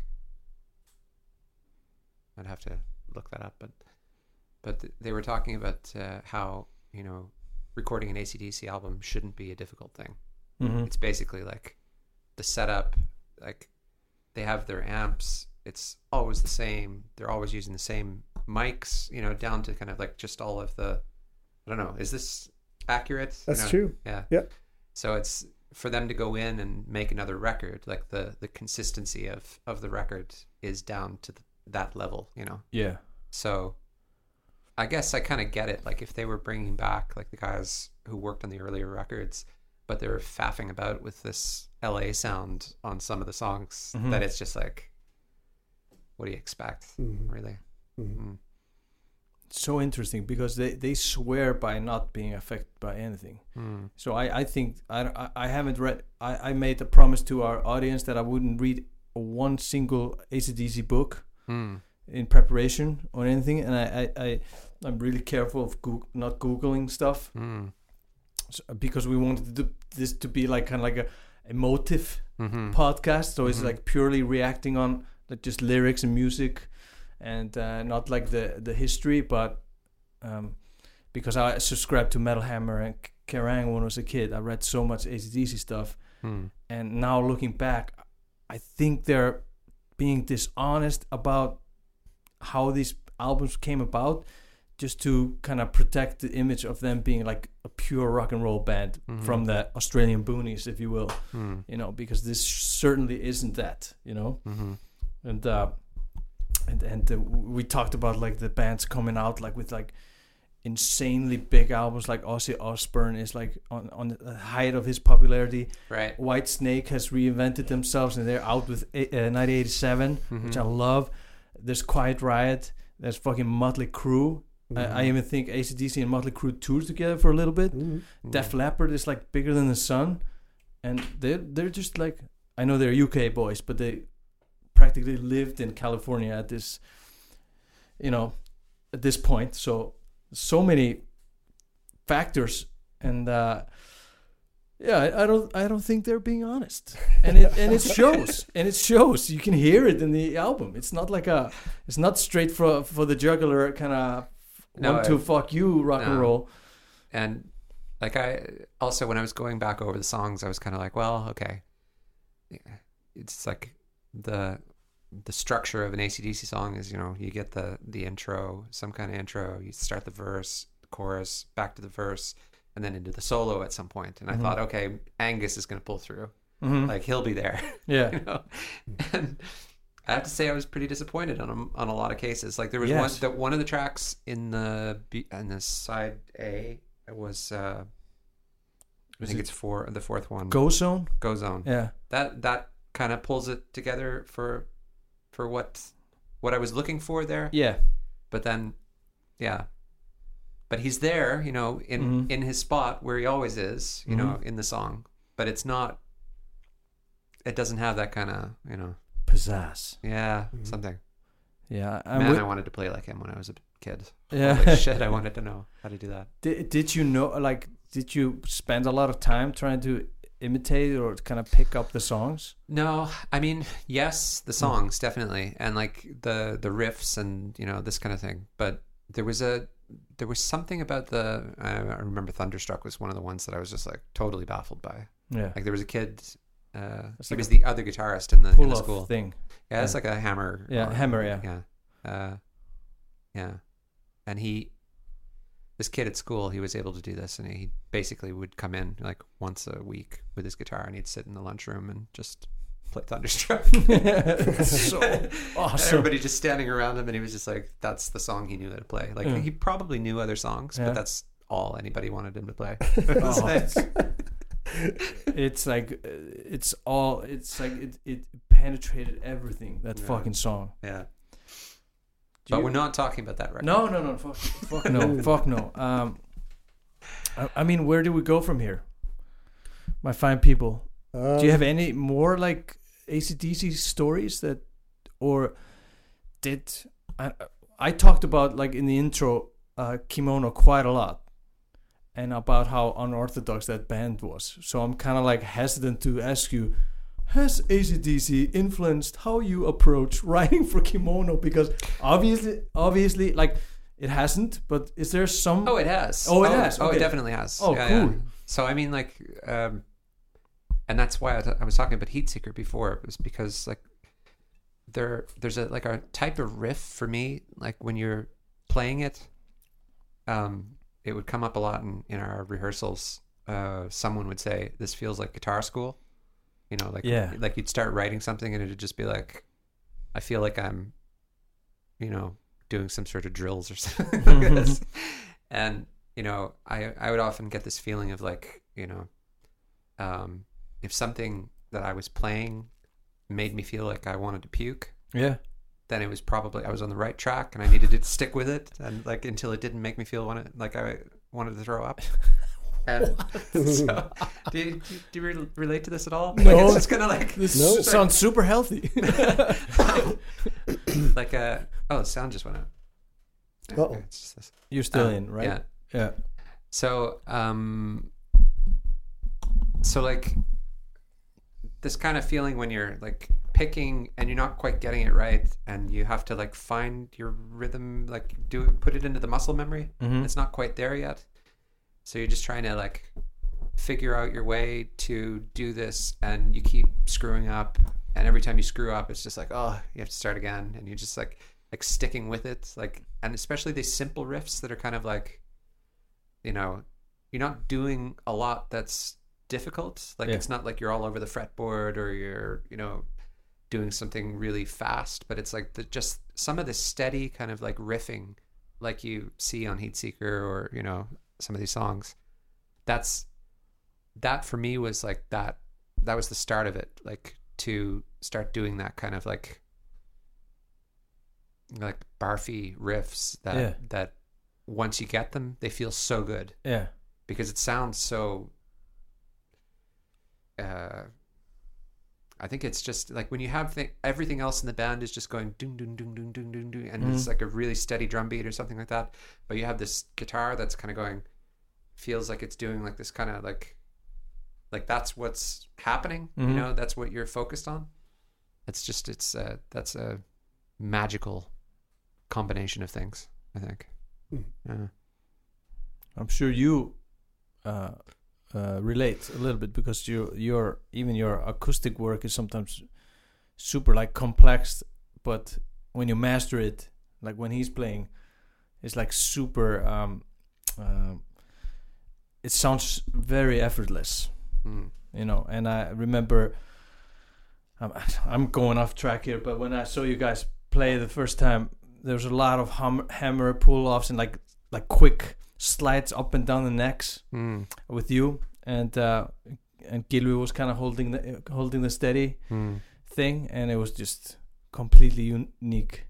And I gushed about it a lot in the intro. I can um, maybe yeah a little bit Mhm. uh, talking about kimono. A super fan right here, but I, I, I, I'm not even sure I understand what you're talking about because I, I like kimono is hard to understand, and when you say like ACDC influences kimono, I'm still like, how? What? you know, even if you try to explain it, I appreciate it, but I, I'm not putting you on the spot. It's just it- you, you. It's from the mind of an artist. You're a real artist, and, and it makes sense to you. But I'm like, what? Well, there's What? this other other side of it. it is like, um, do you ever listen to a record so often that you start to hear it like you stop hearing it on one, like you stop hearing one as one? One? That hasn't happened No? yet, but that's interesting. Wait, wait, wait. One. So- oh, one like, the rhythm. the, the beat. Of Oh. one, like one Yeah. moves to three or Yeah, it moves sure. to two or something Yeah. like that, and so you've heard the song so often that you're, or if you've been playing music, like the same record, so much that it's constantly playing in your environment, yeah. and you kind of dissociate from it a little bit and so that you start hearing it like on two so, You're like, so. God damn it! I forgot how messed up you are. this is crazy talk. so I, what it- so oh, where i'm getting at with this is that you know when you have something like acdc that is so steady you Yeah. know it's a steady band Sure. but I've been in so many situations where I've had it playing in the room, or I've like, as a kid, you know, just having it playing constantly in my headphones or in my room on a cassette player or whatever. That uh, I'll come in at a different point and I'm not listening to the song anymore. I'm just listening to some other version of the song, which is happening at the same time as the song, but I'm just hearing it as if it's shifted, like time, like like like you just take everything and it's like why is he starting to sing on seven? Like it doesn't make any sense. But, but it's not. It's just because like i don't know. Like i just get this sometimes. And that's that that writing for kimono was like that. It was like how can we make this like every time we would write a song Mm-hmm. Kjartan would be like playing something and he'd be like, No, one is here. And I'm like, No, it's I'm on two. And Dory would be like, No, I'm hearing no, one is like Yeah. there. And Yeah. Like, no. like nobody really hearing things the same way. So that that is w- at least where that comes from for me. Like I always look for another spot to start my riff Oh yeah. just because it'll make that thing then you don't have to work as hard right like you're just you're doing the Yeah. like in you know Heat seeker. heat seeker but you start it on three and oh it just yeah. fucks everybody up and Uh-huh. everybody's just like ugh and like you get that pukey feeling Yeah. then you get over that and it becomes muscle memory and you've got something that's completely new Huh. or chopping it like that that's something i used to do a lot with uh, acdc riffs is like i'd learn how to play the song and then i'd chop off the last note and you know learn how to do some odd time thing i didn't know i was doing odd time but i was like you know trying out how this would sound if you know if you cut it a little bit Is it? Is it Children of God?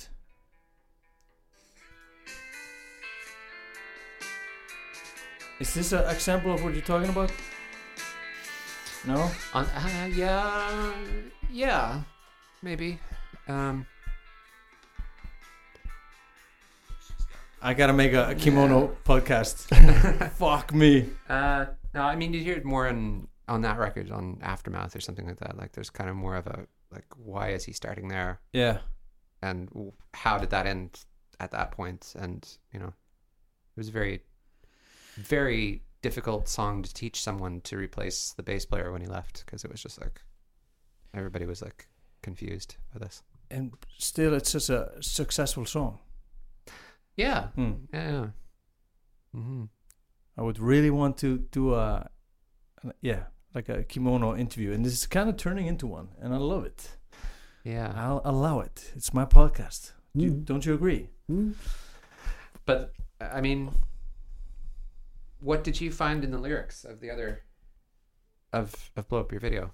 Well, It was I would I was at loss, and he pulled out the most redeeming qual uh, redeeming lyric, and it was uh, from uh, what was the song? that Mean, mean Streak, mean Streak, yeah, yeah, the third one. yeah, Mhm. and and uh, um, it's usually about like sex and and and and getting women and stuff, but this one. Sometimes he will do it like in like an artful way, and I've picked lyrics that are like totally just about sex, Mm. and fucking and stuff like that but he does it like in a really uh, clever funny manner and like the the phrasing and everything is perfect but the, the after, Mean, mean streaks the the down down down that that one Yeah, right yeah, exactly. yeah exactly yeah yeah and what what what is that song about Smarty? Uh, that's a good question. What is it about?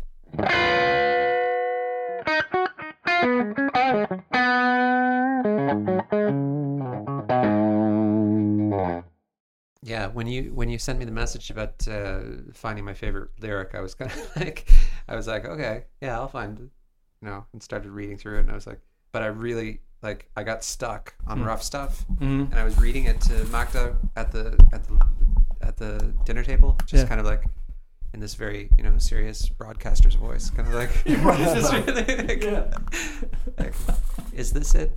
Is yeah this my favorite lyric from this record? No. no rough stuff baby uh, it's it's uh i don't know they have seem to have like a uh, bottomless appetite for writing kind of innuendo Hmm. uh, almost like teenagey lyrics about yeah. sex in the 80s you know what i mean exactly. so um can you tell Al- Alison uh, do you have you do, do you know what he's talking about there Well, he's been all over the world. oh oh indeed he has He's been to the high, been to the low, oh yeah high and low and Right uh, What what has Brian been doing? How does he feel? he just he he's been yeah. There were Yeah. a lot of situations he got into. and uh yeah Oh my. shit the count of monte cristo is there Yes, okay i have a new f- favorite lyric Okay. Everybody, on this record i forgot about this Everybody It's good. agrees. uh, you know this is good yeah. he just doesn't know who he wants to be the count of monte cristo or the sheikh of arabi Yeah. I mean, yeah Clever stuff. yeah. yes Both uh, good options. yeah i mean he's kind of he's comparing himself i i see my dog in this Yeah. He's like, it's my dog. As I mentioned earlier, we got we just recently have a puppy uh, in the house, border collie Icelandic Fjarhundur, yeah. and man, he's got a mean streak. Yeah, yeah. He's got. He's just like sometimes he's just like looks me right in the eye and pisses on the floor, Oh yeah. Yeah. and he he kind of gets this look on his face like, you. I see you. Yeah, I see you. You think you're my master, but you ain't. No, Fucking it's, hell. it's like it's like adopting a wolf. oh yeah. These these these dogs. Yeah. you kind of get this this glimmer of their wild nature every once in a while and you're just like yeah this is an interesting arrangement so that i've could- gotten myself into here Yeah, she could eat out my uh, Adam's apple at any given moment. Uh, and they cut say my you'll throat. get four times bigger yeah. Hmm, Oh yeah, interesting. interesting. Can't wait.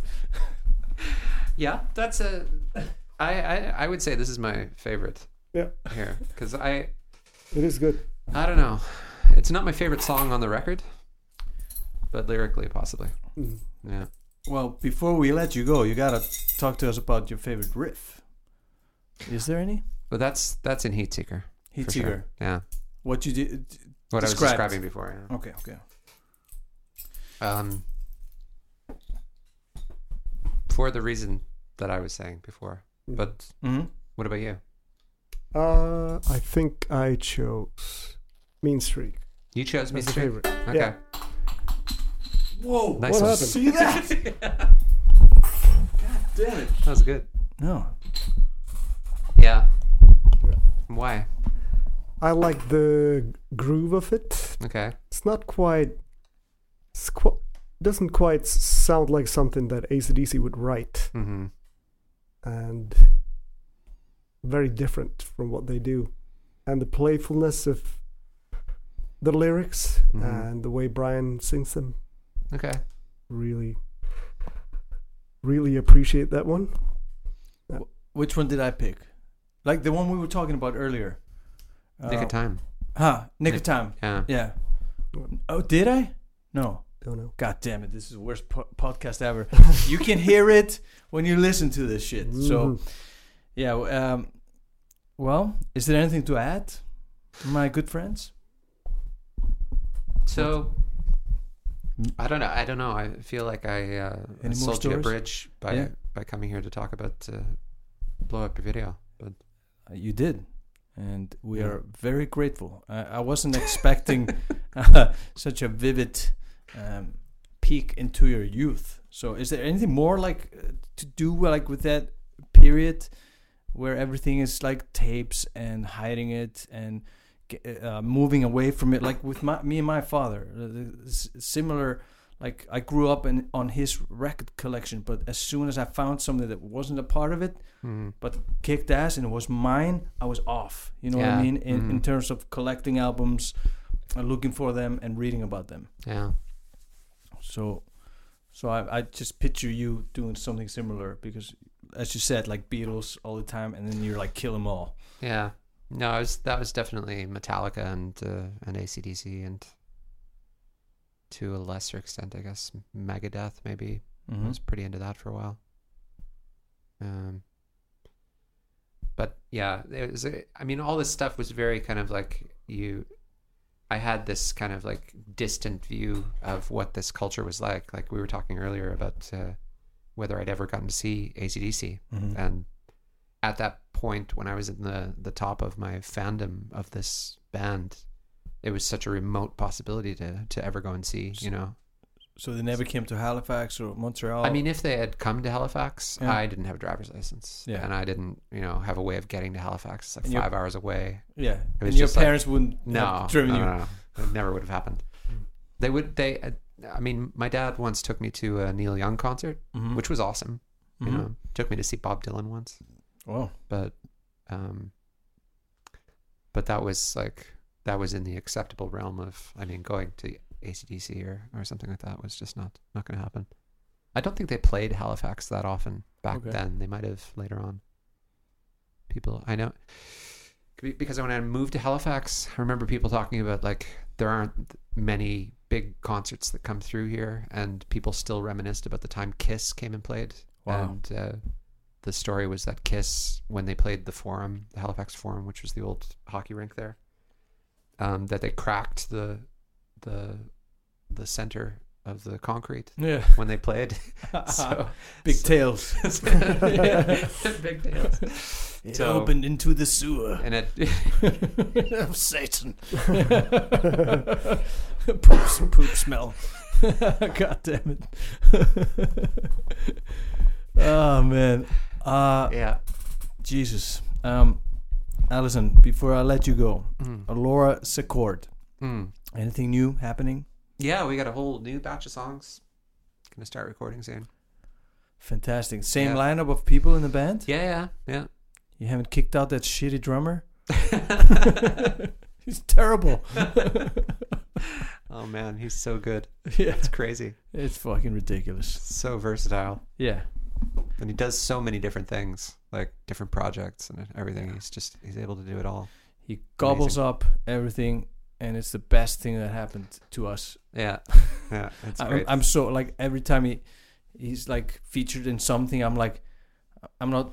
I never think like, oh, this guy. I'm like, yes, he's in it. That Yeah. means something is alive and kicking. Yeah. there's a little culture going on. I remember him and his brothers, you know, coming to kimono shows. Yeah, me you too. know, and uh, you know, when we would play together, Mhm. you know, and uh, with I Adapt and Kimono, and uh, I remember one one uh, one time referring to them as the the Jonas Brothers of Icelandic hardcore.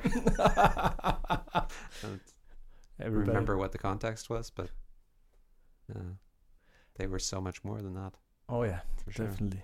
Um, does it? Is it um, different? Is it like uh, are you moving away from what you've been doing, or some surprises, sonic surprises? I don't know. It's uh, I, I I've been trying to kind of like write more straightforward songs, you know, so that I can do something around that. Mm-hmm. Because the song was always kind of overlaid over to you know whatever riff I was trying to Mm-hmm. get across with a song with Kimono. Usually it was like something. Our albums could have been about twenty seconds long if if what I wanted to get forward was like, here's this five second thing, here's this two second thing. This is what I want you to know, and then just like padding it out with this, you know, bullshit. But like, yeah, good bullshit, but Yeah. still, you know, for me, it's like it's like that usually when you have like a song. There's like there's that tiny little piece that's like that's the point of all of this other stuff. Well, you've been blessed with the best drummers, that's for sure. Fucking hey. Hell Yeah. yeah, man. Yeah. Hell fucking yeah, ladies and gentlemen. This has been Alison McNeil of uh, Lords Accord, formerly of Kimono. Um, Blow up your video fan. blow up your video fanatic like you Number one fan. thank you for your stories and um, thank you for taking us back and into that uh, Nova Scotia reality that's completely foreign to us but somehow it's kind of not hmm I think Nova Scotia has a lot of similarities to Iceland especially in those days pre-internet days Hmm. so thank you so much for Yeah, thanks for having me.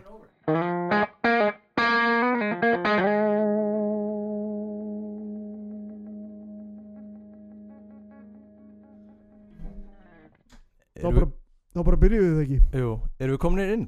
Já, já, Já, þetta var hérna Þetta var löng hland Þetta var langt hlandhlje og byrju, Vika.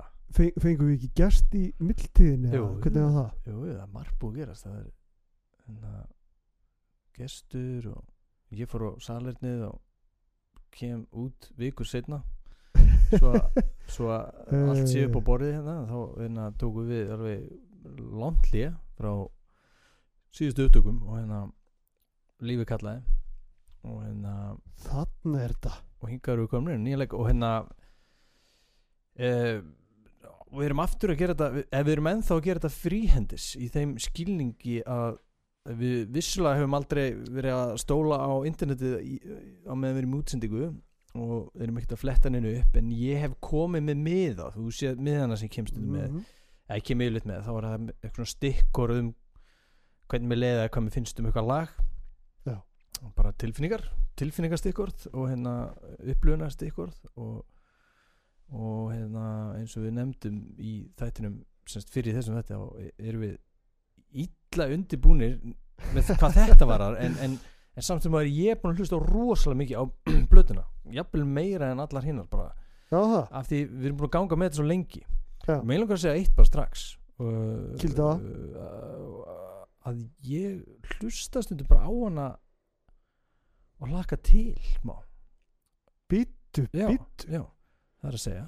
Eins og ég sagði eh, hana, fyrir, fyrir viðtalið og fyrir hálfleikin nú eru konar að hlipja það er þessi þrenna hana nær þessi þrenna sem ég var að tala um síðast yfir A og B lið.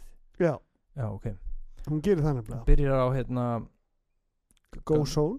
Já, Go Zone og svo Kid, neina, Kissing Dynamite. Já. og fannst mér ekki Nick of Time líka ágætt erum við ekki Jú, ágætt? Það er þessi þrenna sem að, sem að er þér hugleikin. Já, talaði við með Nick of Time. Nico Time er eh, ansið spes að þýleitinu að það er það er uh, það er ákveðum hraða sem að ACDC býður ekki upp á að öllu jöfnu eða Mhm. sjaldan. Og það virkar við fyrstur hlustun eins og það sé ekki í fjórum fjórðu. Já, já, já, já, það er kannski svolítið sérstakt við það sko. Kann, kann, kann það spila riffið það? Manstu það? Eh, Nei, kann það nefnilega ekki sko. Það kemur hérna ef, að- ef að reyna það. Já, þá get ég kannski duttu dutta restina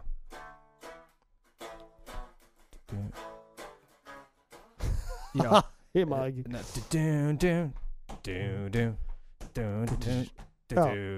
Já. Ég sjálfsögur ekkert flóki riff en, en það sem trommunar gera hann maður bara hei, hvað er það að gera hann? Hvað?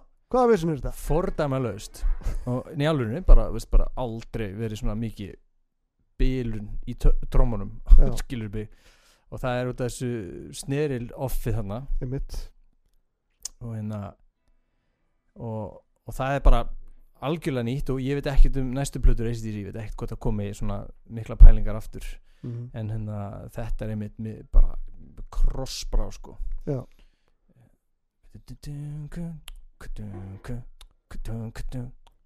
Mhm. já, já. Það er ekki að spila þetta fyrir hlustundur þetta gengur yfirleitt ágætlega því ég spila svona beint í hljónumenn bara kýlt á það eitthvað töff byrju Nei, veitu Hvaða anskot það? Svo Hanna Heyrið fólk þetta? Heyrið í mér hann úti.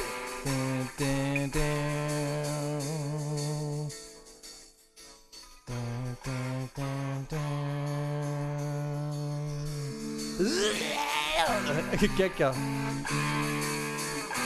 Já.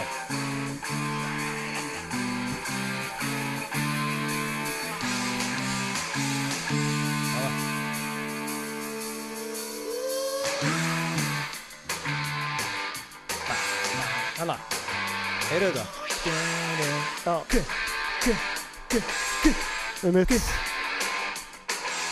Check Wrong line No, no, no time Bad boy Já, Bad news okay. Þetta er hýðið ífræga Nick of Time. Ég er hýfin að slög Ég, hérna Þannig að Hérna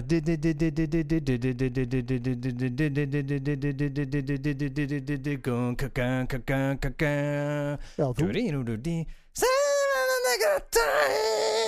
já, þetta er ansi metnaðafull útsetning Já, þarna, þetta, þetta er skemmtilega stopp hana sem að uh, er einhvers konar brú sem leiðir Já. inn í viðlæði, já, þetta er þetta er alveg stórmerkileg lagasmiði, það er bara svo rosalega erfitt að heyra þetta lag fyrir, fyrir hljómnum. Já, ég, ég heyri þetta lag. Ég sé og heyri þetta lag. Það er og, og rosa. hérna og hérna og ég og kannski er það bara því að er svo mikið, mikið ferst í gangi eins og, eins og þetta með trommunar og svo öll þessi stopp. Uh, við tölum bara um að hérna við vorum ekki í mikrofón í síðustu viku þá vorum við um að tala um er þetta ekki bara það lag ACDC sem mest af einhvern veginn svona stoppum? Já. annarkvæmt alveg full stopp skilur við. Eða allir hætta og gítarinn heldur áfram og þá kemur svona rosa blæbreiða munur á milli hluta í læginu sem er alveg óvinnlegt fyrir þá þetta. þeir eru ekkert smikið við að spila bara sama riffi lægið Mhm. bara með einhvern svona einmitt blæbreiða mun í bassin fyrir eitthvað eða gítarinn breytir aðeins við tóntegund en allt er eins við höfum alveg oft bent á það það, eru lög sem eru öll eins allan tíman þannig að ég bara mér finnst þetta ganga upp sko. Já, það, það finnst mér skemmtilegt að heyra. Ég, veist, eins og ég segi, ég er hún mjög heyrnalus gagart þessu uh, bara aðalega ú- út af hljómgæðunum á þessari blessaðari plötu sko, af því því að við höfum eftir að heyra hérna demo eftir og þau höfða betur til mín hljómlega síðan heldur en platan líka við. Og þó, þó eru þau ekki beisin en það er svona meiri grotti í gangi þar. Mm. en það kom mér óvart að þegar ég fór að kafa svolítið vel í þess að tónleika ferð á sín tíma að kom mér óvart að uh, hljóðustinn þreytti mitt þetta lag á tónleikum Mm. það kom mér alveg frekar mikið óvart af því að, því að ég held að þetta lag yrði ekki fyrir valinu ok svona sem kynning á plötunni sko. Þú, ef þú finnur á YouTube, endilega deildið um okkur Já. En að, kjörið það já uh, Já, margt forunilegt lag og eiginlega bara mjög forunilegt Mm. og, og hérna og ég fæ alltaf, þetta er líka þetta er rosa mikið Hollywood lag líka. Þetta er bara svona einhver eitthvað fólk á einhvern bíl að aki burtu af, hraði að brenna alla brýr og, og, og, og er eitthvað svona að vera að rífa sig upp andlega og svona ah, berja sig saman og taka sig saman í andlitinu og eitthvað þannig.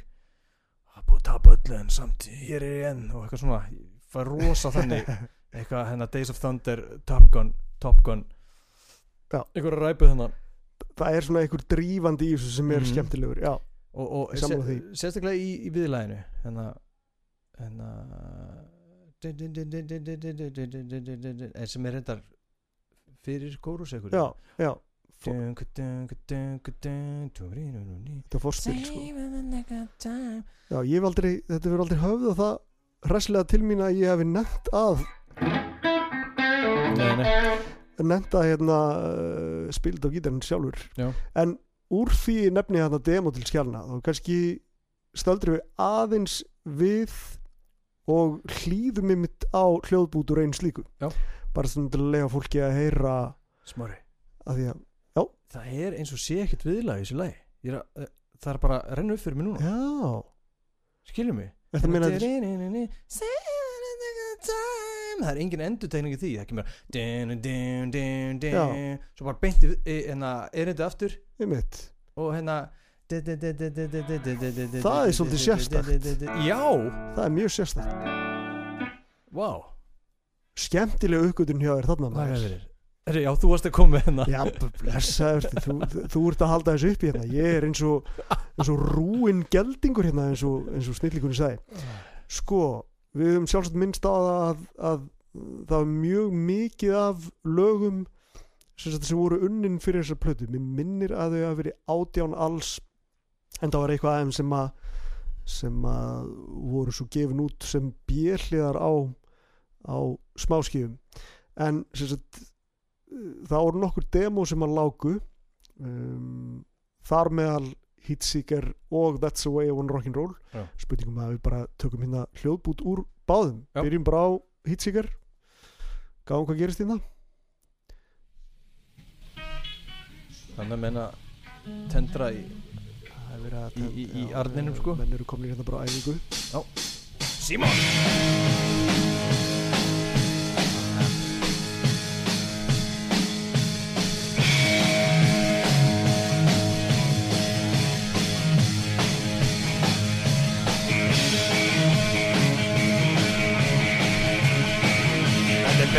betri hljómur sko.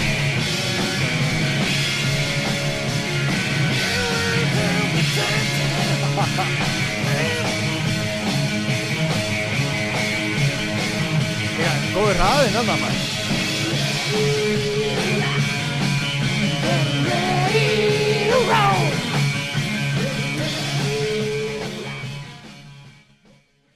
Er hraðinn svona? Nei, þetta er hraðar á plötunni sko. Nei, ég veit, ég veit það, ég veit það. En þetta, þú veist, voruð þið bara að æfa lægið svona? Já. Þetta er, er lef, hækka þess Já.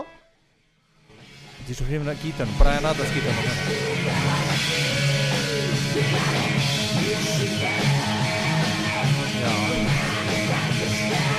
Það er alveg Það er alveg góð ákvörun hjá þeim að hraða sko læginu, alveg En það er rosalega töff að heyra þetta svona, þetta er rosalegt sko. Þetta er nefnilega að mínu þú, þú, þú veist, þetta kveikir miklu meira í mér heldur en hljómurinn á plötunni sko. Já, já, þó að hann sé unnin í rót sko eða Já. þú veist. Aha. Æs að fá hérna. Herðu, svo var það That's the way I wanna rock'n'roll Kíkjum á það líka. Sjáum hérna reyndu gengur. Já, já, sama hana, svolítið hægar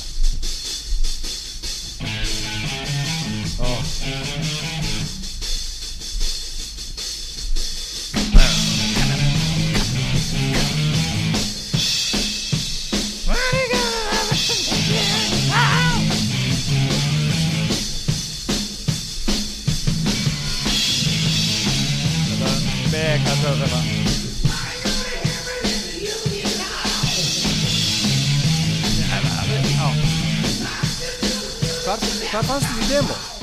I'm gonna roll, roll, roll. Herðu, ég, sagt á sín tíma þá komu út svona demo sjötomur sem voru náttúrulega bara sjóraningi útgáður Já, en þar voru sagt Heatseeker annars vegar uh, og That's the way I wanna rock'n'roll hins vegar. Mm. og svo voru aukalög á þessum sjötomum og það er annars vegar All Right Tonight Mm. Sem er þokkalegt lag uh, en svo er Let, Let It Loose. Og ég hef nú ekki farið lengt ég hef ekki farið lengt með aðdán mína á Let It Loose sko. Og það er nú kannski spurningum að við svona í lokin á þessari demo yfirferð Já. hlýðum á það. Ok. Já, ég til já ah, þetta er bara ertu með að lifandi? Ég, bara, ég bara, já, Já. Ég, ég, ég þetta er bara hérna uh, hvað segir maður? Ég veit það ekki. Þetta er yfirlýsing. Nú. Ég, haldið ykkur. ég skora á ACDC ég veit að þetta er seint í gumpin gripið mm. en vinnið þetta djöfnslag og setið þetta flötu þó þið séu svona í slappari kantinum í dag þá er samt gaman að fá hljóðvers útgáfa að þessu en, en bara hlustundu góðir bara gjörið þið svo vel, let it loose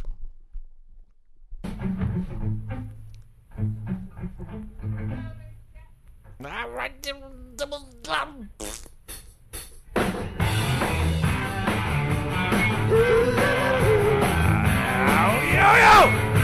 er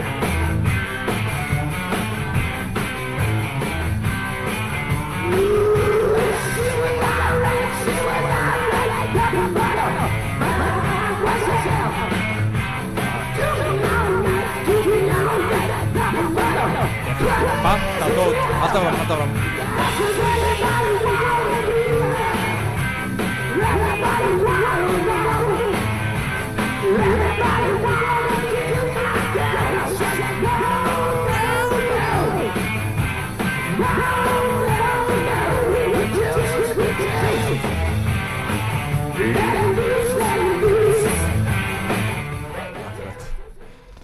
þetta er bara, maður sjá ykkur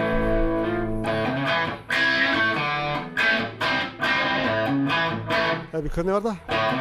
Nei.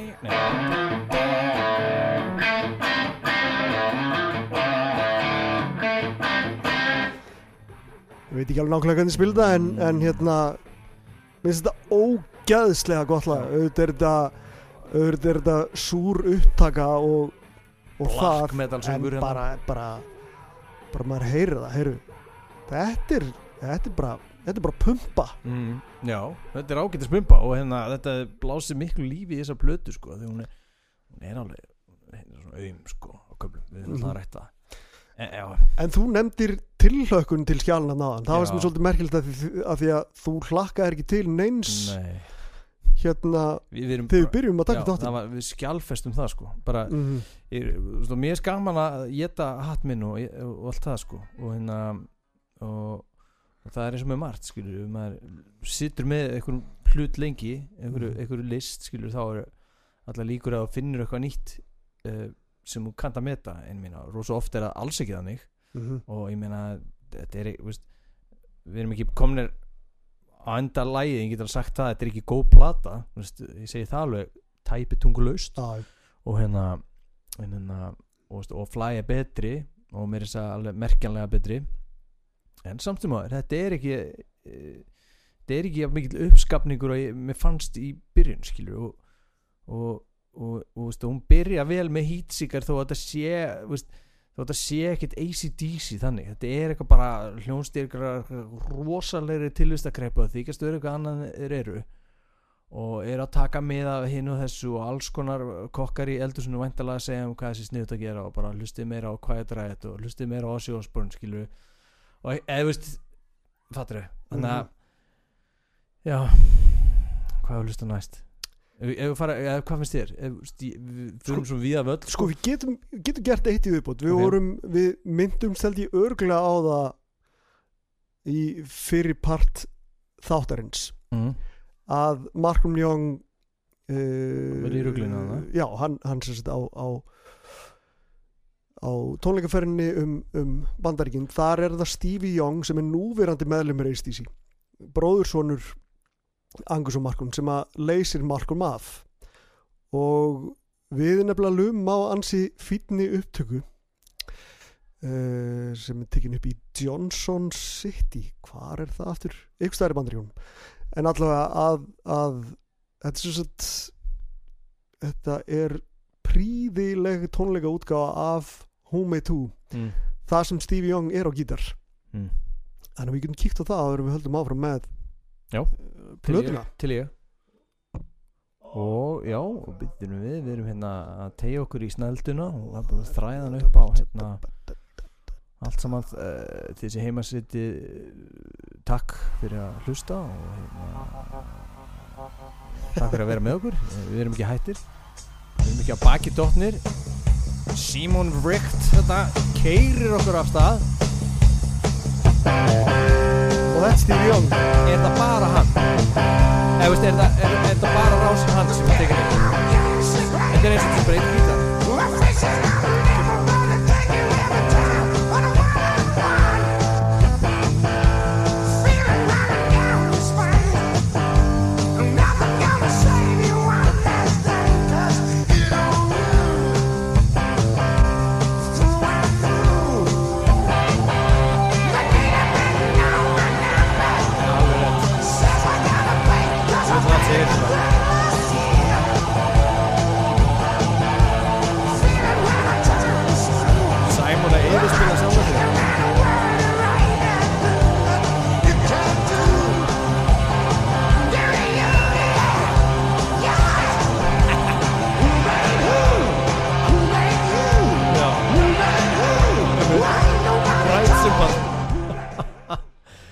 Þetta er fyrsti rætsuballi sem við hefum heyrt. Við heyrum rætsuball í einu lagi eitthvað fyrir mörgum mánuðum sko. Já, Örgulega á, æ, ég manna ekki einu sinni.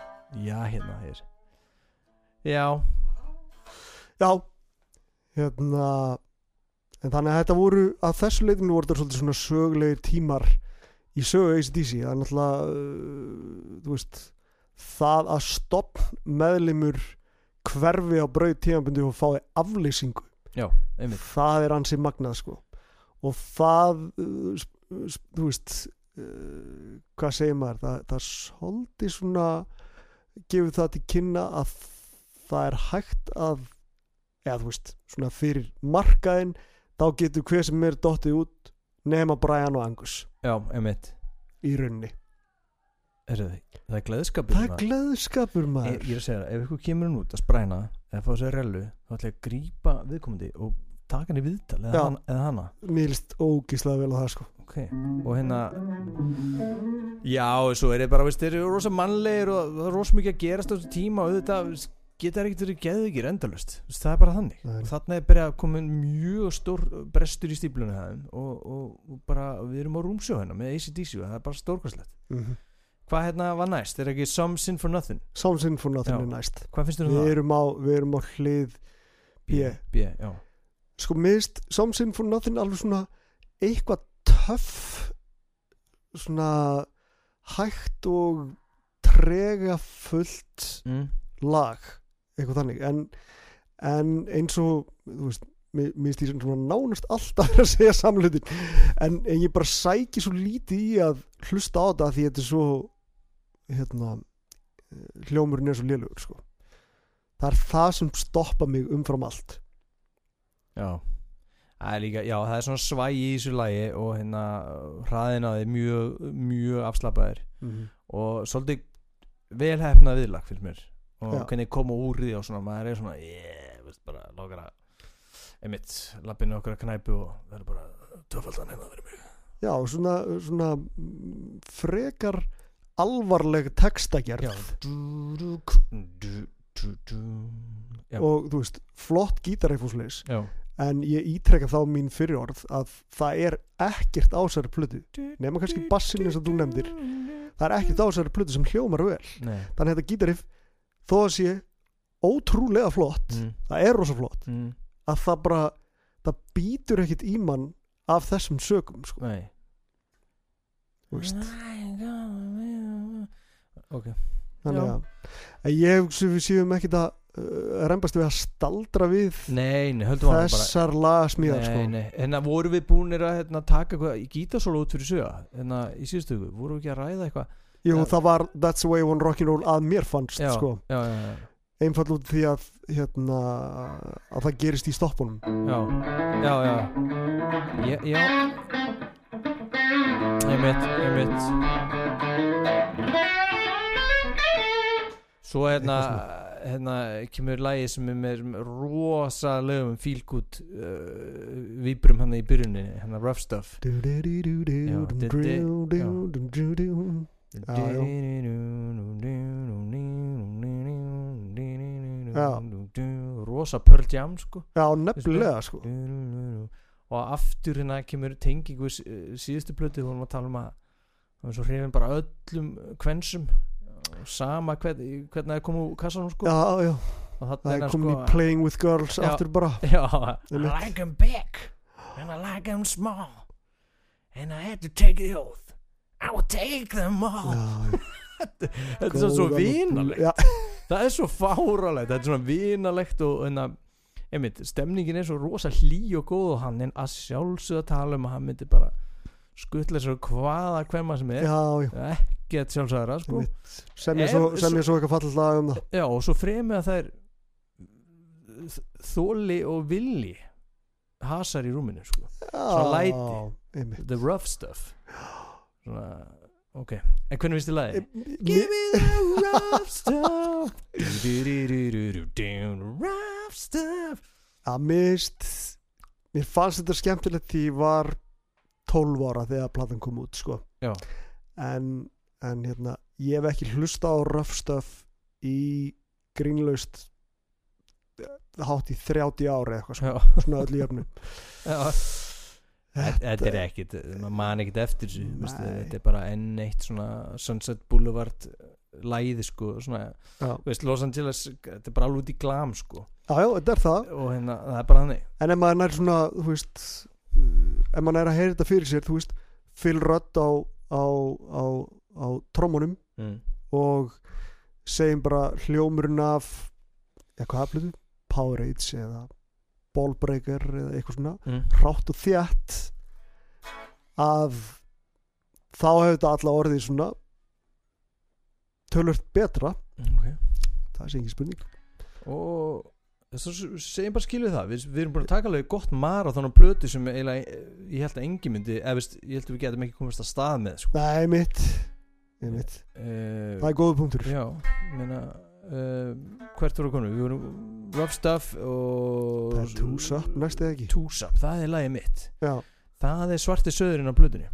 Svartisöðurinn já, á, í svona á góðan hátt svarti söðurinn í þeim skilningi að þetta er lang, lang l- lang ólíklegasta lag til að enda á ACDC plötu bara fyrr og síðar sko. Það er bara eitthvað allt annað. Já. Og þarna geta þær ekki neitað þeir geta ekki sagt sko, við spilum bara okkar og roll Nei. það er bara aðrir sem gerir eitthvað annað einmitt, sko. þannig að koma þér upp um sjálf sig sko. já, og, og Túsap er einmitt þessi Ozzy Osbourne drama hérna sem við nefndum Mhm. í upphafi þáttarins og ég held að við vorum að tala um Bark at the Moon það er rosa langt síðan og of a Madman það er mörg ár þannig að þessi áratugur á milli þeirra og þessara ég við man rétt Þetta- sko já. þetta er meira hérna þetta er no rest for the wicked. Já já já og, og, og hérna það er náttúrulega fleiri plötu sem eru að koma út á þessum tíma byrju, No More Tears kemur 87, síðan. 88 Já. nómu til þessu setna já það kemur eftir sko. Já, en þú veist, plötuna sem eru að koma út á þessum tíma hvað er ekki, Whitesnake 87 jú náttúrulega? Jú veistu, og það er Dio, það er Dream Evil það er það er hérna Somewhere in Time. Já og Seventh Son kemur 88 eða ekki Jú, og svo 87, Ultimate Sin 88. og ég er rosa Os Osborne megin þetta, The Ultimate Sin kemur á undan sko Blow Up Your Video mm og svo kemur hennar plata sem þú nefndir hennar, ég glemur alltaf hvað heitir hennar með Ossi Osborne sem kom á eftir No Rest for the Wicked Já, einmitt Já. og þetta er einmitt að gerast sko á sama tíma og, og hann er, á- það er rosalt flug á Ossi Osborne á Mhm. þessum tíma Zack Wild kemur inn Já. á þeirri eða ég maður rétt frekar en plötuna undan. Akkurat, og við erum líka búin að nefna bara sakk valdlega solo-feeling og, og eitthvað svona, það, það kemur hérna þennan að tappa og það er rosa solo þarna. Það er rosa solo Já. solo-kaplin er mjög eftirminnilegu líka því að þe- þeir svona búa til bara liggu við nýtt lag í kringum hann. Já, já, og þar fyrir Angus í eitthvað sem hann hafði ekki gert síðan bara 1977 já. á Let It Be Rock Já, það er bara svo öðru þessi Ah, tap já, Það er meira svona, einmitt, bara eitthvað bulla og gau- gaukur og stöng skilur eitthvað gauður að henda björglasi og hann er að tappa. En þetta er svona hetjutap sko. þannig er hann að reyna fara bara í einan þú veist, hvað getur við sagt vítt og, bra, vítt og bratta Já, þú veist, White Lion feeling sko, við sko. Já, já. en þarna, þú veist þarna er náttúrulega glamið, það er að gera allt brjálað sko Mhm. og það má heldur ekki gleyma því að á þessum tíma þá er Angus Young með alveg óheirlega sítt hár já, einmitt, einmitt og það er ekkit ástæðuleysu heldur Nei, sko. Það er búið að nefna það í spjall, spjallgrúpinu hérna á Facebook sko Eða Já, ég nefndi það, ég var að tala við sjálf um mig Einmitt. En hérna, einmitt, að þarna er hárið Það verður ekki síðar held ég Þarna, fly, flying on wall og þarna næri þetta sínum Svona lógisku endamörkum Hvað sýtt var það sko Mhm. Eik, Akkurat, einmitt, engin Ég meina, maður sér hann ekkert fyrir sem einhvern eh, Gildgítar eða SG og einhvern gamlan Marshall þarna í þessu lagi. Þetta er bara að þú komin í eitthvað Alltaf annan veruleika. Það vantar bara hans í komin á sko sól og sveifina bara hérna Já. vammi bar Mammi bar og, og, og Jackson gítar sem er eh, bleikur liggur við sko. Einmitt. Og hérna og verður einhver fúllut í okkur hann úti ímynda mér. Svona, svona monsterkastir gítar eins og, eins og hérna Jói minn úr grundafrið sagði alltaf. Monsterkastir sko. En að því sögðu þá finnst mér þetta virkilega gott lag sko. Þetta er frábært lag og sérstaklega þú veist, ég heyrði það fyrir tilvíljun það var hérna uh, íslenskur bandóður ACDC unnandi sem sendi mér ábreyða þessu sagt, það var, það var í flutningi einhvers annars. Þar var flutningurinn tölvöld meira poppaður. Og þá heyrir maður, herru, þetta er bara ógeðslega góð lagasmíði, já, alveg ótrúlega góð sko. En, en þetta er lag sem hérna svona eimir alltaf eftir. Já, og ég hlakka til að heyra þannig að ég mun setja það á, á listan minn sko sem er í Já. smíðum einmitt. og fólk hefur aðgangað í gegnum hérna allt sama platan spjallhópur eða hvað sem heitir mm -hmm. Já, um, eitthvað meira um það, þetta ágætt lag Nei, Svo kemur hérna This Means War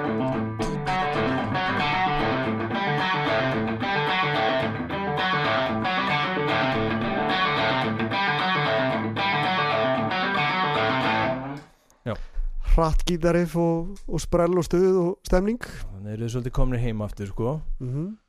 og þetta svona rosa svona drífandi í trómunum og þetta er, sé, eh, veist, heyrir maður hversu megnur Simon Wright er sko. Mhm. ég er ekkert vissum að röddarinn hefði náða að hérna, náðu þessu svona nálat brúninni sko. Hvað hérna keislu var það sko.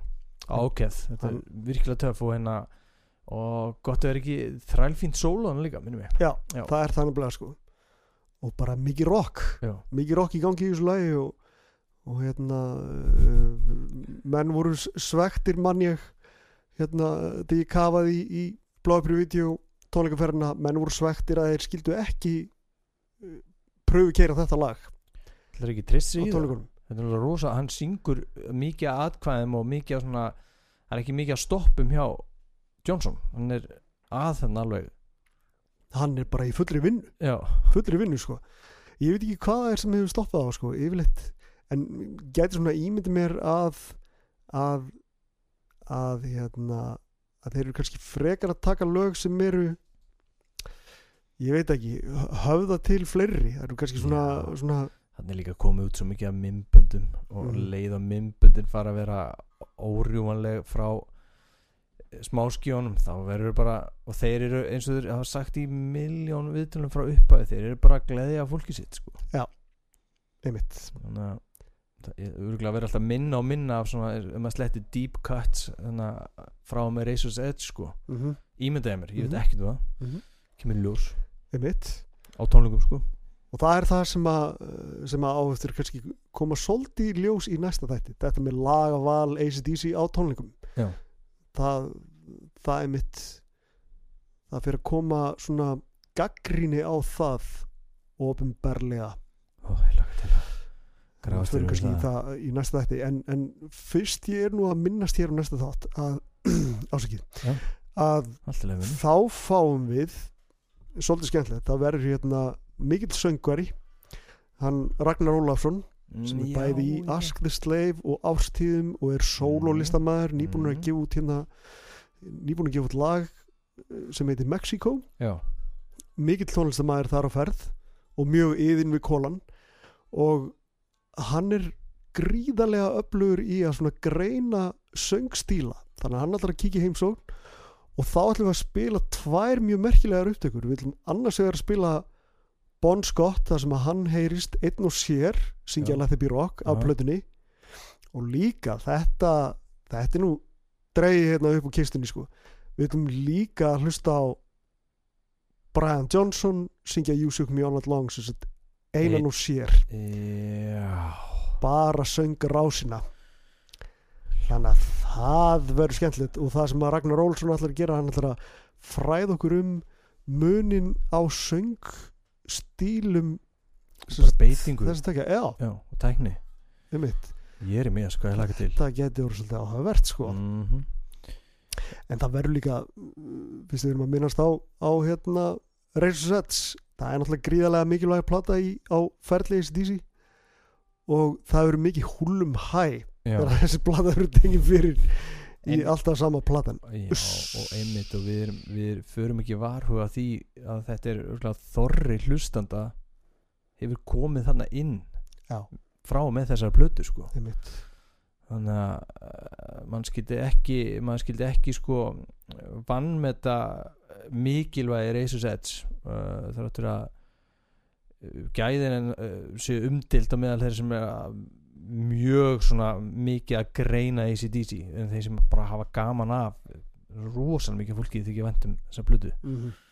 og ég mitt með uh, með þetta sjónarhótt sem ég er með ég, ég hlaka til að því að hérna ég held að í video er mun sásöka meira sko. Mun erfið er að draga upp eitthvað jákvæð en hingað eru komni skilur við erum alveg búin að kristu úr henni ímislegt gott finnst mér sko. Eða svona bærilegt og, sumt alveg bara þrælfínt. Já, já, já, Já, já, kemur á óvart á köflum þó hún sé freka misöfnu og en að ég meins að man ekki hvernig Eye er. Nefnir að duttu dutta það fyrir mig.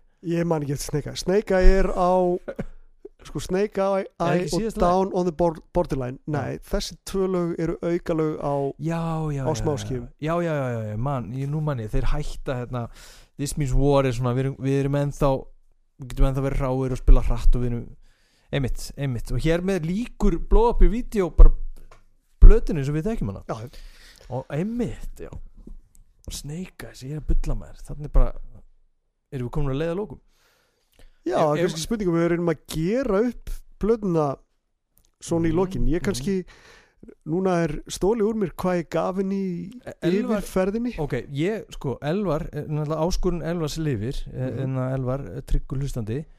Já, ekki segja mér þá hvað ég gaf henni. Nei, nei, nei, nei, ég ætla að byrja þig um að bara endur með þetta, halda fram, gerðu upp og, og, og geða henni svona smára lengun og nú erum við náttúrulega þú veist ég- ég- taumin hérna. Já, ég ætla, ég ætla ekki að dæma hana þá í takt við hinar plötunar ég, ég myndi bara að dæma hana eins og hún er nákvæmlega í dag Mhm. í eirónum mínum.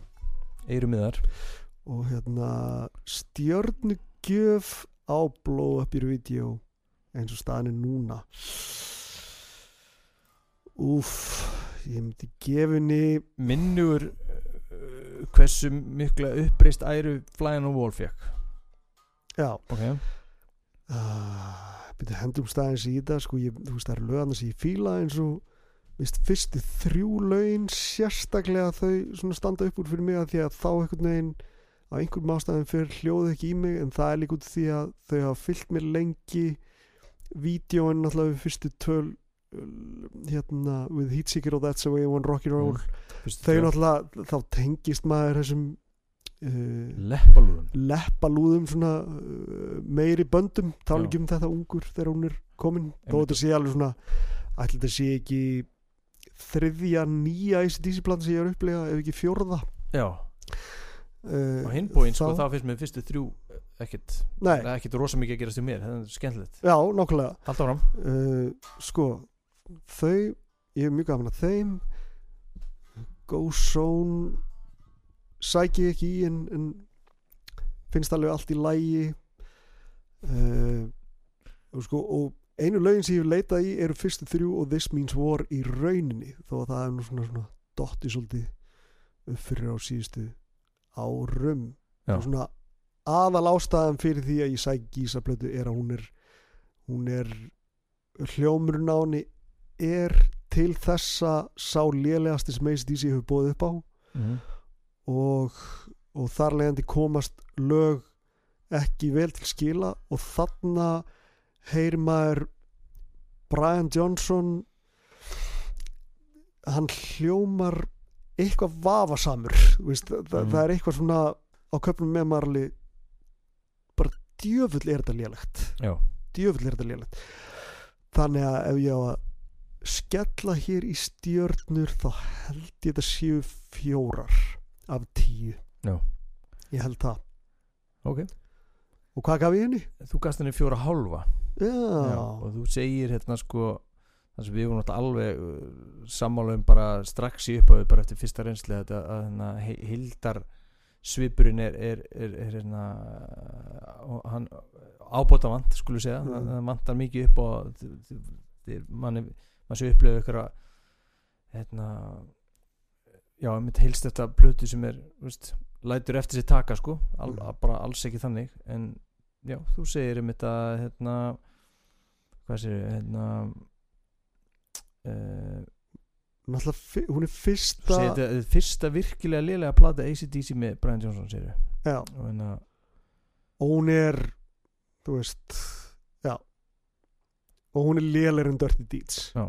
Á er vídeo fyrir eilita kárna gamani þó að neistinn slokni nú ekki alveg hjá gömlu brínunum mm. segir hérna þú kannski lest þetta og ég skal svara með einhverju gítardóti. Já, ok, ef þú lest einu setningu og ég ger eitthvað á milli. Ok, ok, við, við, við. og þú verður að lesa það um tiltrjum Já ok, platan byrjar stert á Heatsiger Og that's the way I wanna rock and roll.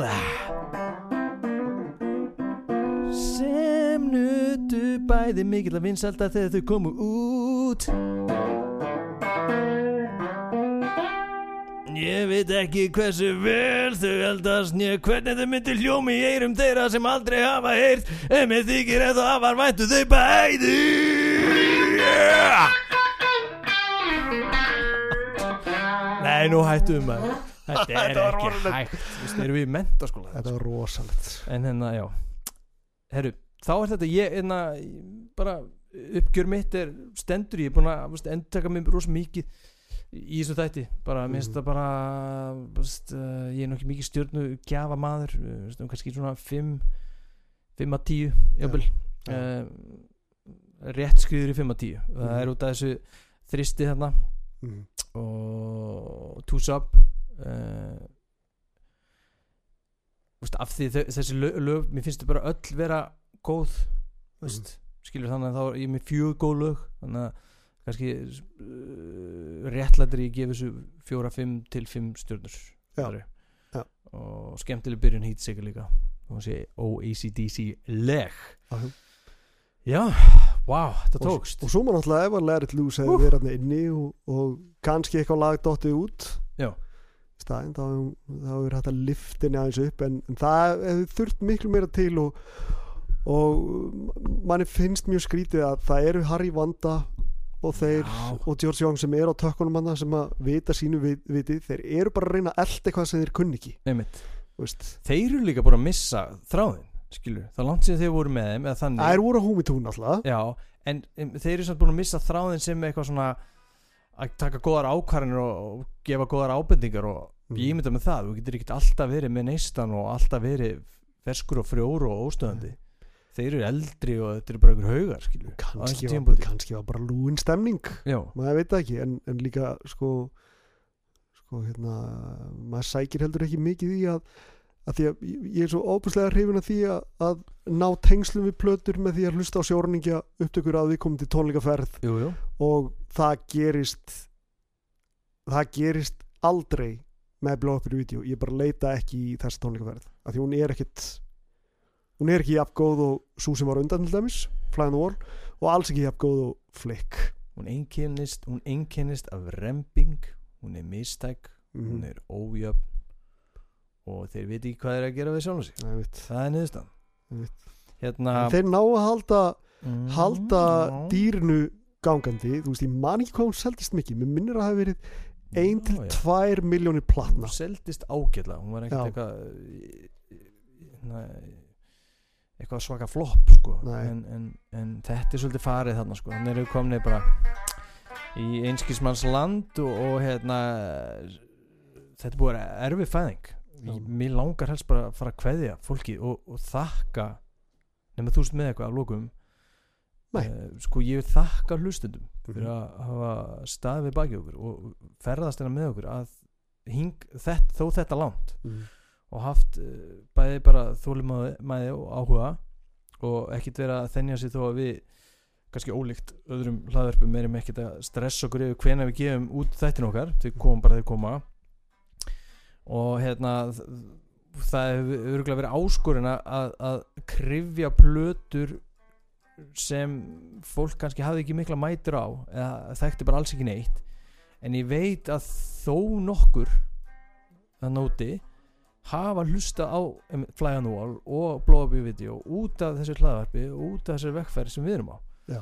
og til þess er nú leikunum gerir þetta þy- þykir mér ros skemmtilegt og væntum Mm. og dásald að heyra frá fólki sem er að gera ykkur uppgötun uppgötvanir samtíða okkur að það er ma- margt hana sniðut og stóri lærdómurinn er náttúrulega bara hingaru komnir og við komumst að því fyrir býsna löngu að það er sannlega ekki alltaf sama platan á fónunum þó við sem að hlusta á ACDC Mm. Na, og bara já, bara bara aður þú klarar Já, það er kannski eitt sem við hefum eftir að gera hérna ef ég maður rétt, við hefum eftir að velja besta Jú. og besta gítarriffið djúvillin sjálfur, herru, besta gítarriffið finnst mér vera hérna var ég ekki að nefna á hérna dunum við, hvað það hvað finnst þér? uh, Mér finnst uh, mín strík sko, sko þessi plata er ekki riffa veistla sko, Nei, alls ekki. Freka langt frá því sko. Og hérna og eins og við sögðum að hana hljómurinn spilar þar eitthvað, eitthvað hlutverk. Það er bara ekki sami tutti, það er fullt Nei. annað sem er ekki bara hljómurinn.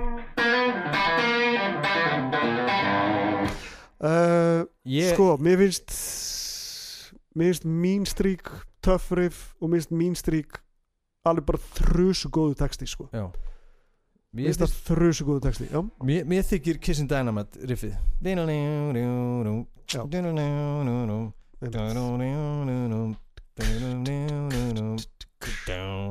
finnst það allt passa rosa saman og hérna og þetta er dýnamíst lag skulum Mm. segja Já. og hérna, já, mér finnst það bara svona bingu púki í þessu riffi og svona svolítið, svolítið nesti sko bæði erindin í mín strík eru flott eða þú vilt að ég já, þetta aðeins, aðeins söngluðu býti ég held ég þurfa að stækja þetta því að, því að nú, nú, er menn, menn konum með gleru og svona, já, já. hann segir maður svo, við erum hérna í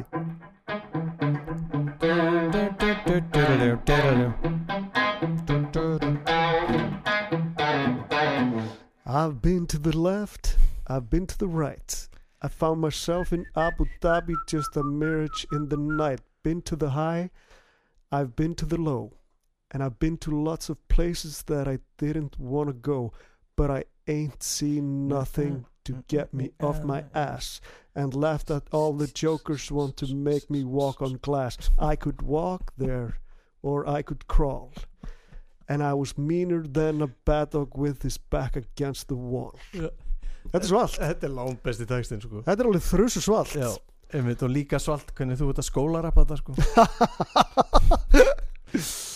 Einmitt. Ég held Já, að ég, þú veist, ég er aðeins þreytur sér hana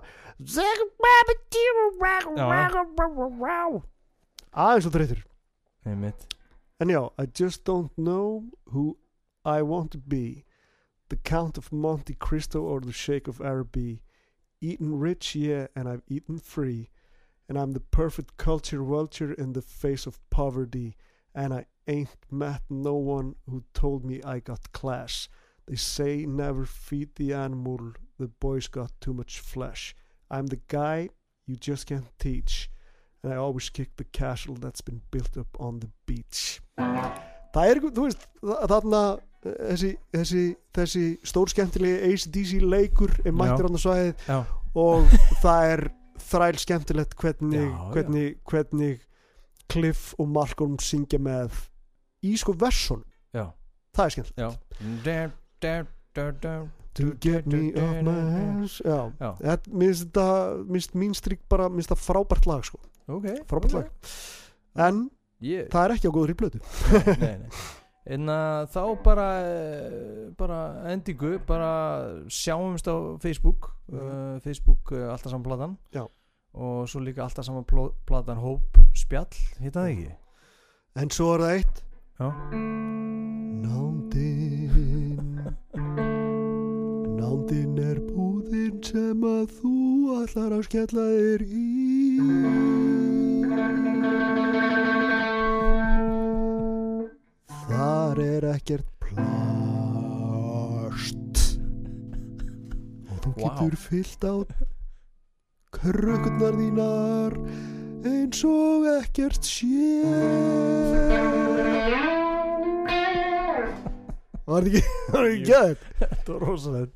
Þetta er frábær búð. Akkurat, við erum í bóði hérna nándarinnar í Hafnafyrði Matarbúðin nándin. Þú veist Ég er ekkert að grannast með það eins og snillíkurinn sagði sko. Mér finnst þetta, frábær, mér finnst þetta frábær búð því að maður er náttúrulega hlind, svo óbærslega hlindur öllu sem að snýrað verðinni og hvernig við getum nú Já. lifa hérna aðeins lengur á þess að setja allt í, í bál og brand. Já, þannig að mér finnst alveg sérstaklega skemmtilegt að koma að og sjá hvernig hérna, sjá þessa heildstæðu stefnu sem er í gangi. Já, líka marg viðkend búðin einmitt Mm. fyrir það. Og, já, og, og, og, og, og hérna, alltaf saman platan er líka á Instagram þetta var frábær flutningur Já, smári, mikill listamæður og, og, hérna, og bara takk fyrir okkur elsku hlustundur Takk hérlega fyrir og heyrumst í The Razor's Edge